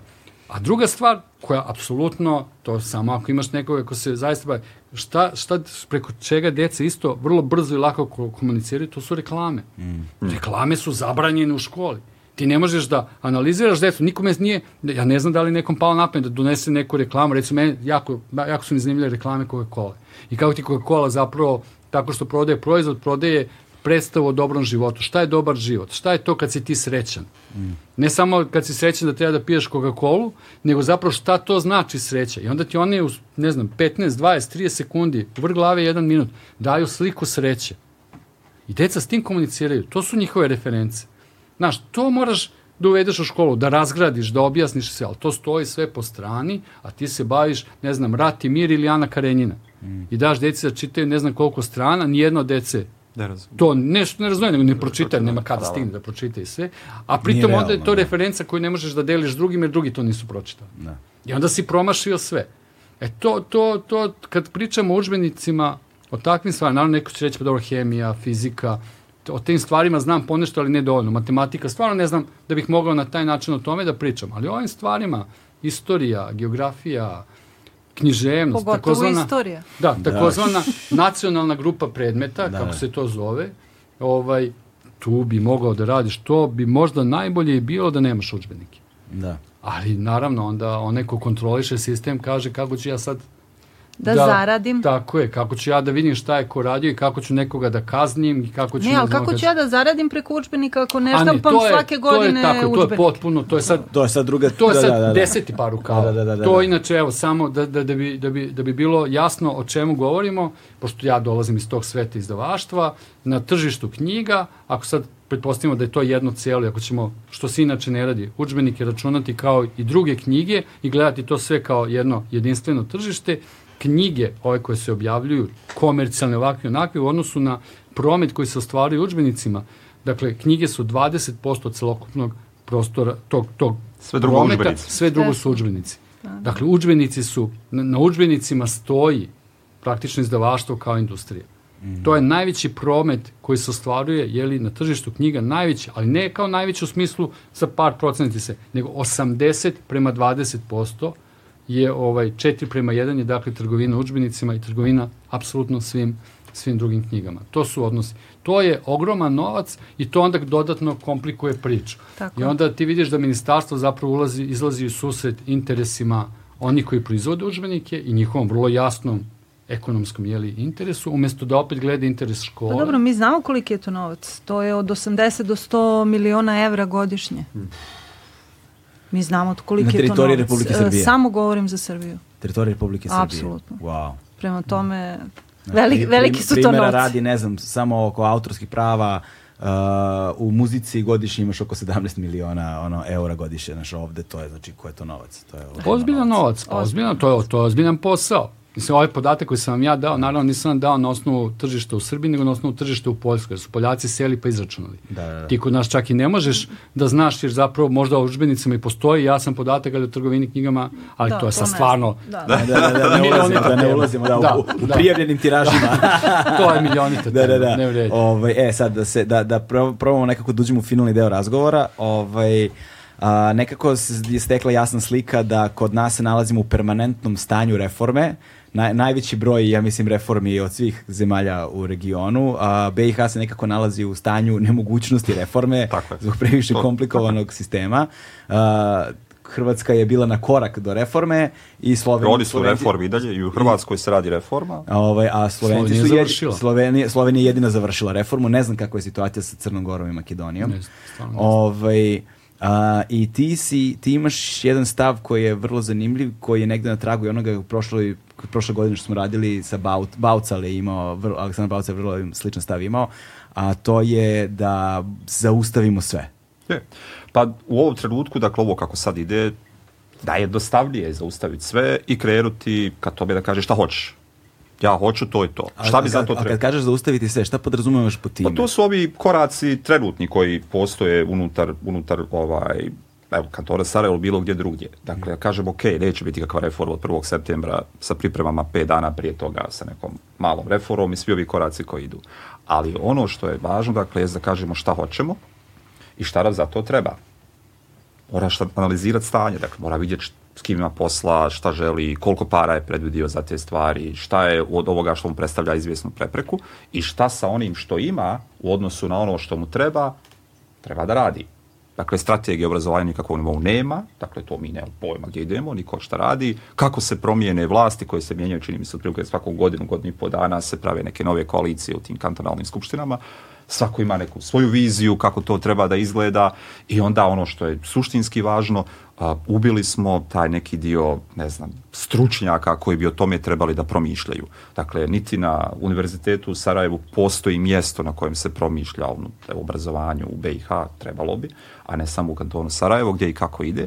Dakle, ne postoje ono, a, ozbiljne rasprave šta želimo i kako želimo i kao i ovdje suštinski društvo to ne zanima. Dakle, društvo, društvo ne zanima. I zaustaviti u ovom smislu samo da stanemo, da se dogovorimo gdje idemo i što idemo. Da ne trošimo bez veze resurse, da ne- nemamo ovaj osjećaj ono, da neko stalno kod nas, od nas neko nešto očekuje, a mi to stalno kao nešto pokušavamo i radimo, stalno negdje ono, pričamo o tome jedno iza leđa. Vrlo rijetko se o, u javnom prostoru protivi onome što vlast kaže. Dakle, vrlo rijetko će čuti da će nastavnici reći sad, e nećemo, to je tako iz tih, tih razloga, u tom trenutku će se zaustaviti, neće reći, ali će naravno mimo toga znači milion razloga zašto to ne bi radili i ono što je isto važno, mislim da imaju način i mehanizme da to ne radi. Dakle, da su svjesni moći koju imaju unutar učionice, da su svjesni da ti koji donose odluke nemaju tu vrstu moći da ih mogu natjerati da urade te stvari, da nemaju sredstva da ostvare sve ono što su zamislili i onda zapravo mi zaista ulazimo na područje koje a, može pogoršati trenutno ono, stanje unutar obrazovanja nego što, što to jeste. Mada suštinski toliko smo se zapustili da bi bilo kakvo pokušaj pomjeranja naprijed možda i donio neke rezultate i važno da se misli o tome, ali zaista nema nikakvog razloga da mi sad krenemo ovaj, po svaku cijenu da reformišemo nešto ili da to nazivamo reformom, a zapravo suštinski se ne mijenja ništa. Kako ćete vi raditi reformu ono koja je zamišljena da je usmjerena na promjenu one nastavne prakse u kojem ja djeci kao nastavnik ne predaje učionice, nego organizujem nastavu u kojoj djeca uče učionicu. To je paradigmatska promjena za naše obrazovanje. I ako ćete sad vi reći, ok, mi smo dali nekakve predmetne kurikulume, a sve ostalo je ostalo isto. Imate isti fond sati, imate isti raspored sedmičnih sati, imate užbenike koje ne koriste ni u redovnoj nastavi, a kamoli, ne znam, u ovoj nastavi, nemate nikakvu dodatnu podršku za ovo što radite, niti ste više plaćeni za to, nemate ono konkretnu, jasno je dokazao, neko pokazao kako to izgleda, na koji način, pa da ste vi negdje probali. Pa da, dakle, ništa od toga nema i rekli ste mi sad ulazimo, ulazimo u reformu i mi ćemo krenuti. Dakle, sva log, sve što imamo razuma i sve teorije pokazuju da to ne može biti dobro. Dakle, mi ne možemo ono postići stvari ovaj, one koje su čak evo za ovu godinu isplanirali da probaju ono, uvesti u prvom osnovne, petom osnovnom i prvom razredu srednje škole za opće obrazovne predmete. Dakle, ništa ne ide u prilog tome da će, da će oni to uspjeti, a mogu dodatno frustrirati nastavnike koji rade unutar škola, mogu dodatno frustrirati djecu, roditelje i na neki način zapravo još čak i odgoditi moguću ozbiljniju reformu koja bi se u nekom trenutku ovdje rekli, aha, opet neko priča o reformi, ovaj, koliko će trajati, godinu dana, ma, godinu dana ćemo mi istrpjeti, snaćemo se mi, nešto ćemo tu pisati, lažirati, završiti, otiće, doće drugi, ovaj će reći, ajmo sad iz početka i onda ćemo, onda ćemo ovaj, završiti stvar. Ali ja zaista mislim da nije čak ni teško, nije nemoguće i da se samo uz uh, malo dobre volje uz financijska sredstva, to je vrlo jasno, važno, dakle nemoguće je to u postojećim okvirima, nemoguće je u postojećim financijskim okvirima koji se izdvajaju za obrazovanje mijenjati paradigmatski obrazovni sistem. To je apsolutno nemoguće uraditi. Dakle, samim tim što vi morate uložiti u ljude koji će raditi drugačije, a sada ne govorimo o svim drugim sredstvima koja su potrebna za rad u takvoj vrsti učionice. Od ovog prostornog, naše su škole uglavnom za dvije smjene pravljene, dakle ovakva škola zahtjeva jednu smjenu, zahtjeva cjelodnevni boravak, zahtjeva prekide, ne da dijete uči, da ima i neke druge aktivnosti, dakle znamo sve gdje to vodi. I naravno da nam trebaju veće škole, naravno da nam trebaju škole koje su prilagođene takvo vrsti ono zamišljenoj obrazovanja i o tome se naravno opet razmišlja sad. Naravno da ne možemo napraviti 50 škola za godinu dana, ali ako krenemo da pravimo ove godine tri, pa naredne četiri, pa pet, vjerovatno ćemo za pet ili šest, sedam, osam godina napraviti 50 novih škola koje će, koje će ići ka tome. I onda ćemo razmišljati na koji, na koji način raditi druge stvari. Ali eto, To, je, to znači da na onim stavkama obrazovanje ne sme da bude trošak, nego investicija, Tako nego je. ulaganje nego ulaganje. Jedina stvar sa, kojim se, sa kojom se ne bi složio Aha. jeste da društvo to ne zanima. On, uh, ispostavlja se, barem iz mog iskustva, a imam ono višegodišnje iskustvo rada u medijima, društvo zanima ono uh, što im se nametne da ih zanima. Hoću da kažem da mhm. u, okay, u medijskom sistemu postoji nešto što se zove javni interes. Okay. Onog trenutka kada je javni interes postao komercijalni prostor koji se prodaje, tog trenutka je sve ovo što je zapravo važno izbrisano. Yeah. Znaš, I onog trenutka kada ti nemaš kritičnu masu onih koji govore o određenoj temi, ono neće povući celo društvo da, to, da o tome govore. Evo recimo... da, ono, da kažem ono kolokvijalno nije seksi tema. Znači, svašta ćemo videti da nam je sada zanimljivo zato što to privlači, ne znam, klikove, pažnju, ovakvu okay. onakvu. Ali to je druga strategija koju bi neko Tako trebao je, da znači... radi. Ali ovo što je recimo važno, sad su izbori u BiH u 2. oktobra i traje predzborna kampanja i ono što obično tradicionalno mazohistički radim, čitam predizborne programe političkih stranaka koje se tiču obrazovanja.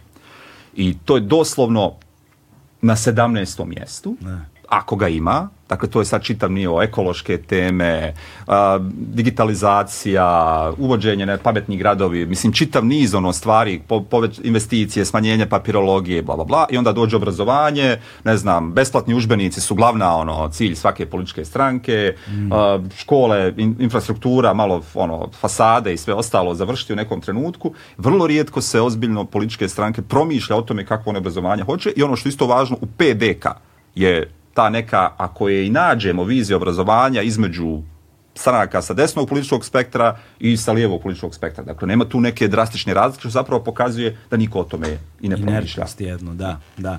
Ove, ovaj, e sada, a, a, ako bismo morali taj začarni krug negde da presečemo i da kažemo dosta je, gde bismo zaboli tu prvu tačku i dakle bismo krenuli? Šta je to što bismo, evo, kada bismo prioritizovali stvari, šta bi bila prva Ovako, uh, u onoj strategiji koju sam ja pominjala od 12. do 20. rečeno je da 2020. treba izdvajati za obrazovanje 6,5%. Treba doći do 6,5%. Duplo veći iznos nego sad. Duplo, duplo veći. Znači, to je pod jedan. Pod dva, moramo da imamo kapu. Naša kapa i naš početak jeste velika matura, državna matura. To je jedini trenutak kada ćemo mi shvatiti šta smo radili 12 godina. Jer ovo nije dovoljno. Znači, mi sad imamo malu maturu posle osmog, ali pojma nemamo šta nam rade srednjoškolci i kako pripremljeni ili nepripremljeni odlaze na fakultet, ova, ova ili onaj fakultet. Dakle, velika matura je naš veliki posao. Ona bi trebalo da bude izvedena prvi put 2024. godine. Ja ovde otvoreno i javno sumnjam u to. I daj Bože da me neko razuveri i da kaže ne, ne, ne, to će biti. Jer onako kako se velika matura sprovodi u Sloveniji recimo, gde se tačno zna ako je neko čak i dualno išao e, tri godine, a želi da ide na mm, veliku no. maturu. Njemu se, o, na primjer, da ću... Prekvalifikuje. Na prekvalifikuje. Ima godinu dana da završi četvrti razred. Pa ima godinu dana da se pripremi za veliku maturu. Pa može da polože veliku maturu. A mi sada ovako sa ovim, mi ne znamo da li će fakulteti prihvatiti. Mi, mi ne znamo, u stvari mi ne znamo ništa o velikoj maturi, samo da mi želimo da imamo veliku maturu i to želimo još od 2003. Al, wow. a, a, mislim, celo punoletstvo želimo veliku maturu, ali nikako. Dakle, veće izdvajanje, presek uh, kao nešto šta smo radili i odakle da krenemo, a onda naravno uh, status nastavnika i veće poverenje u nastavnika. Jer koliko je poverenje društva manje u nastavnika, toliko se nastavnik više povlači. I kad se nastavnik više povlači, onda nekako i ono što bi umeo fantastično da radi ne dolazi do izražaja. Jer nema veru u sebe. Mnogo dugo je verovao u sebe jer niko drugi nije verovao u njega. Ali sada počinje i on u sebe da sumnja, jer ovo predugo traje. Dejane. Meni se čini i stalno ću se vraćati na to. Ovih dve godine krize je pokazalo da naše škole nisu toliko loše koliko mi to mislimo. I to ne zato što neko na vrhu radi dobar posao, nego zato što se u školama i dalje radi dobar posao. Postoje ljudi koji taj posao rade iz ljubavi i sa željom da učine nešto dobro. I to da su naše škole izašle iz krize, a da se nije ceo sistem srušio, to nema nikakve veze sa odlukama ministarstva, nego isključivo ima veze sa onim što su radili nastavnici tokom te dve godine. Za mene je to dobra vest, jer to znači da imaš odakle da kreneš. Ne kao gore će neko da dođe pa nešto da kaže, nego daj to što je u školama, daj to da sačuvamo. I meni bi uvek, uvek prvi, prvi, prvi, prvi korak bio razgovarati s ljudima u školama, pitati ih šta oni misle, i na neki način ih motivisati da to, kako su radili u nemogućim uslovima, nastave da rade, ali ne moraju nužno uslovi dalje da budu nemogući, nego da uslovi budu malo bolji. Mm. To, bi, to bi bio moj prvi korak.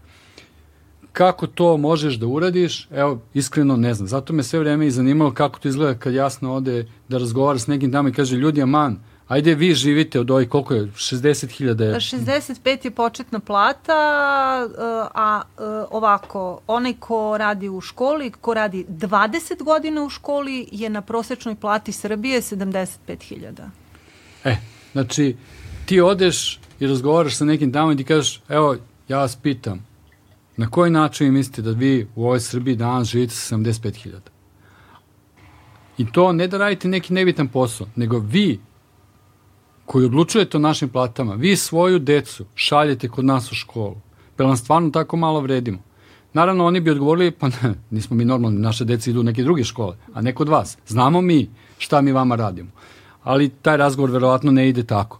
Ovaj, dakle, to bi, to, to bi bio, to bi bio, to bi bio, to bi bio jedan korak. Sve drugo, sve drugo, ovo o čemu nami pričali, ovo čemu jasna priča, da se postave neke stvari i sve, ja mislim da mi u ovom trenutku nemamo resurse za to ne, mislim da nema snage, mislim da, da ljudi nisu na taj način motivisani. Ja mislim da ljudi u ovom trenutku hoće kakvu takvu izvesnost.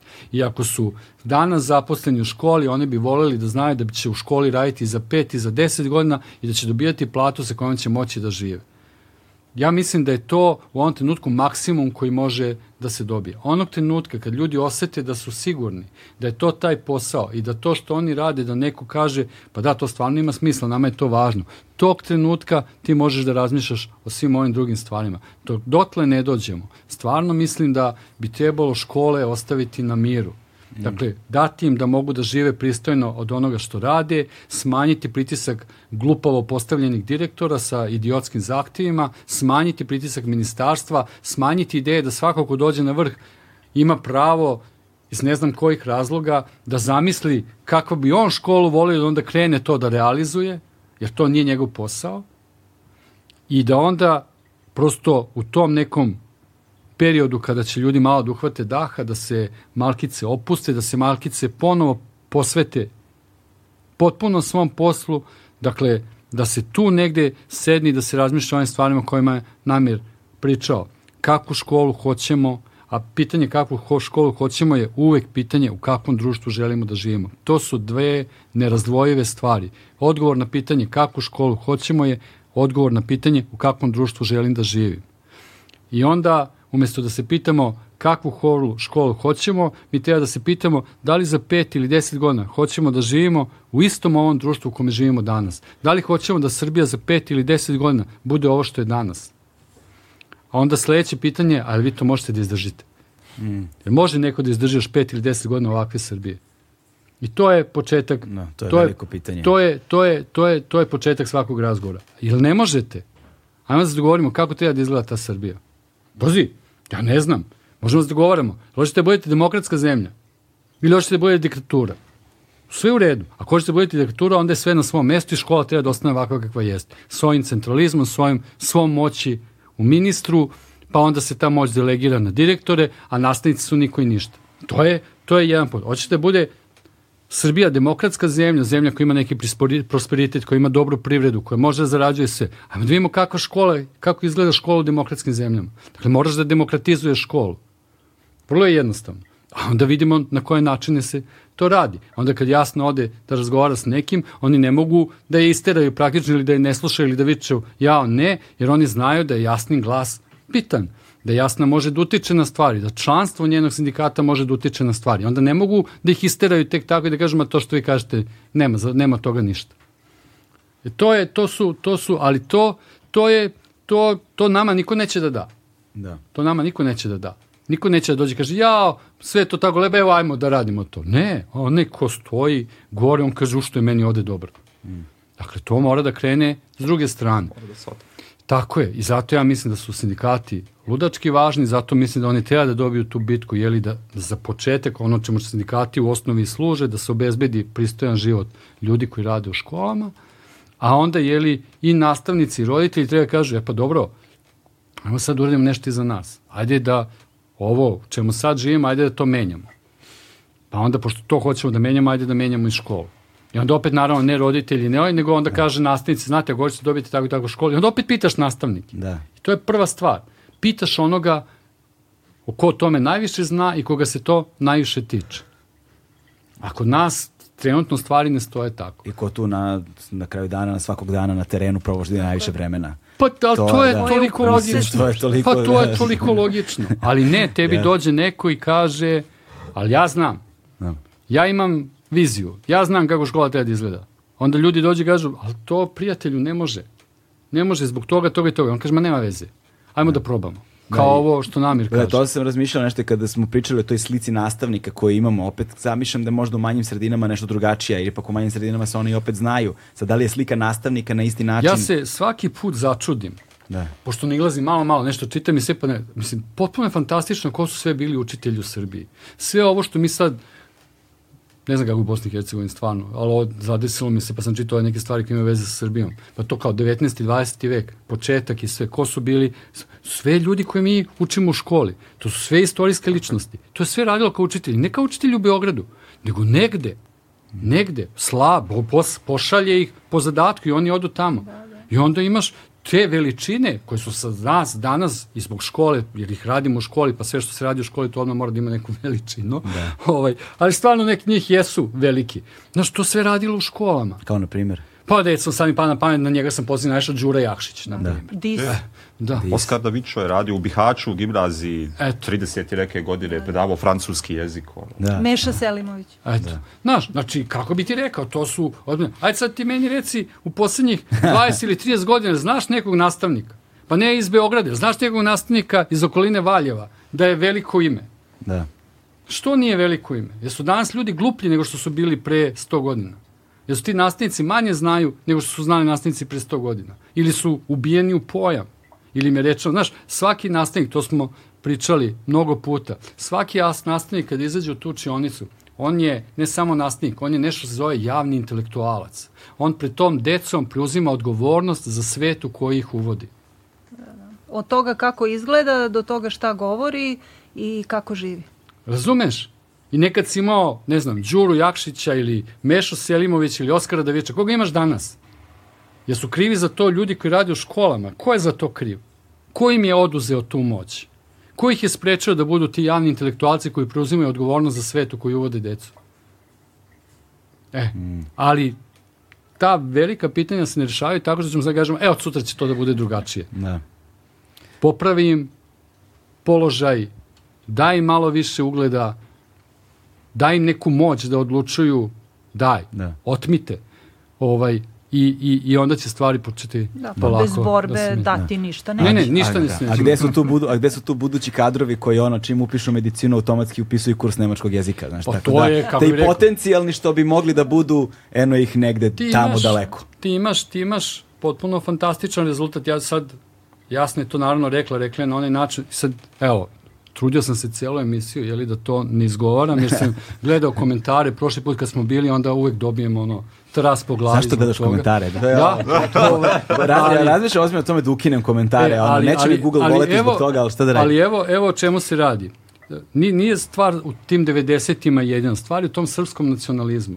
Ali kad mi pogledamo šta je zaista rezultat srpskog nacionalizma. Srpski nacionalizam, recimo, ajde to tako da kažemo, da Srbi u Srbiji žive pristojno. Jel da, to je pristojan nacionalistički cilj. Ajde sad ovo Srbi. Ja bih rekao da svi ljudi koji žive u Srbiji žive pristojno. Ali neka bude, Srbi u Srbiji žive pristojno. A šta smo dobili kao decenijski rezultat srpskog nacionalizma? Da u Srbiji neće živeti Srbi, nego će ti dolaziti radnici iz ne znam kojih zemalja. Već dolaze. Tako je, oni će biti žitelji Srbije, Srbi će otići u neke druge zemlje, ali će oni koji govore o srpskom nacionalizmu i dalje biti na vrhu i puniti vlastite džepove. E, to je rezultat srpskog nacionalizma. U svakoj oblasti, apsolutno u svakoj oblasti. E, to mi živimo. I zato, zato ne, ne, neće nam oni dati ništa. Što se njih tiče, mogu da žive ljudi, ja bih volao recimo da dođu, ne znam, ljudi iz Ne veze, evo onog nesrećnog Afganistana. Nek dođu ovde ako je ovde bolje za njih. Super je da budemo svi tu i ako je njima bolje, ja ću da budem srećan. Ali taj gore, on će dalje da priča o srpskom nacionalizmu. I ima će, potpuno ćemo biti svejedno što u Srbiji žive neki ljudi koji su došli odavde iz Azije, iz Afrike.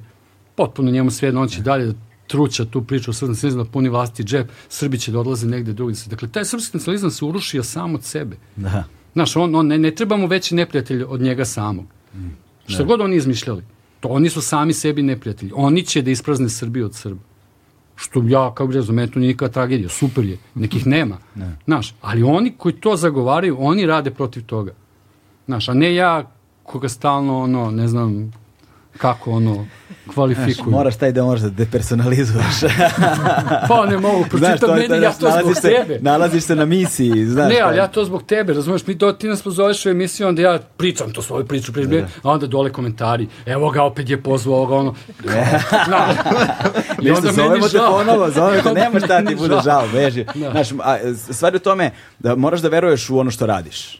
Znači, ako veruješ u to što radiš, šta te bre briga, šta, znaš, to je, za, znaš, mi znamo da, da želimo dobro. Tako je. Ja znam da ja želim dobro i to je to. To je sve što me zanima. Tako Dalje od toga, Tako sad, znaš, znam da želim dobro i radim najbolje što mogu da to dobro nekako bude korak bliže. Znaš, je sad, znaš, kako će ljudi da reaguju, pa, bože moj, reagovat će, znaš, to je uvek tako. Vidiš kakvom društvu živimo, kakvim okolnostima živimo. Dobar A u što je škola zgodna. dobar, dobar, dobar ti ovaj kraj. Dobar e, to. Kraj. E, hvala vam puno, ovaj, ljudi, još jednom. Uh, namire, hvala ti puno što si došao iz Sarajeva zbog ovog razgovora. Nastavit ćemo se, družimo sad posle. Uh, jasna, hvala puno, veliko je zadovoljstvo ovaj, što si bila sa nama ovde. I Dejane, ti si uvek dobrodošao, šta god pisali u komentarima. Dobro. to je to, stegli smo do kraja. Hvala. Ćao.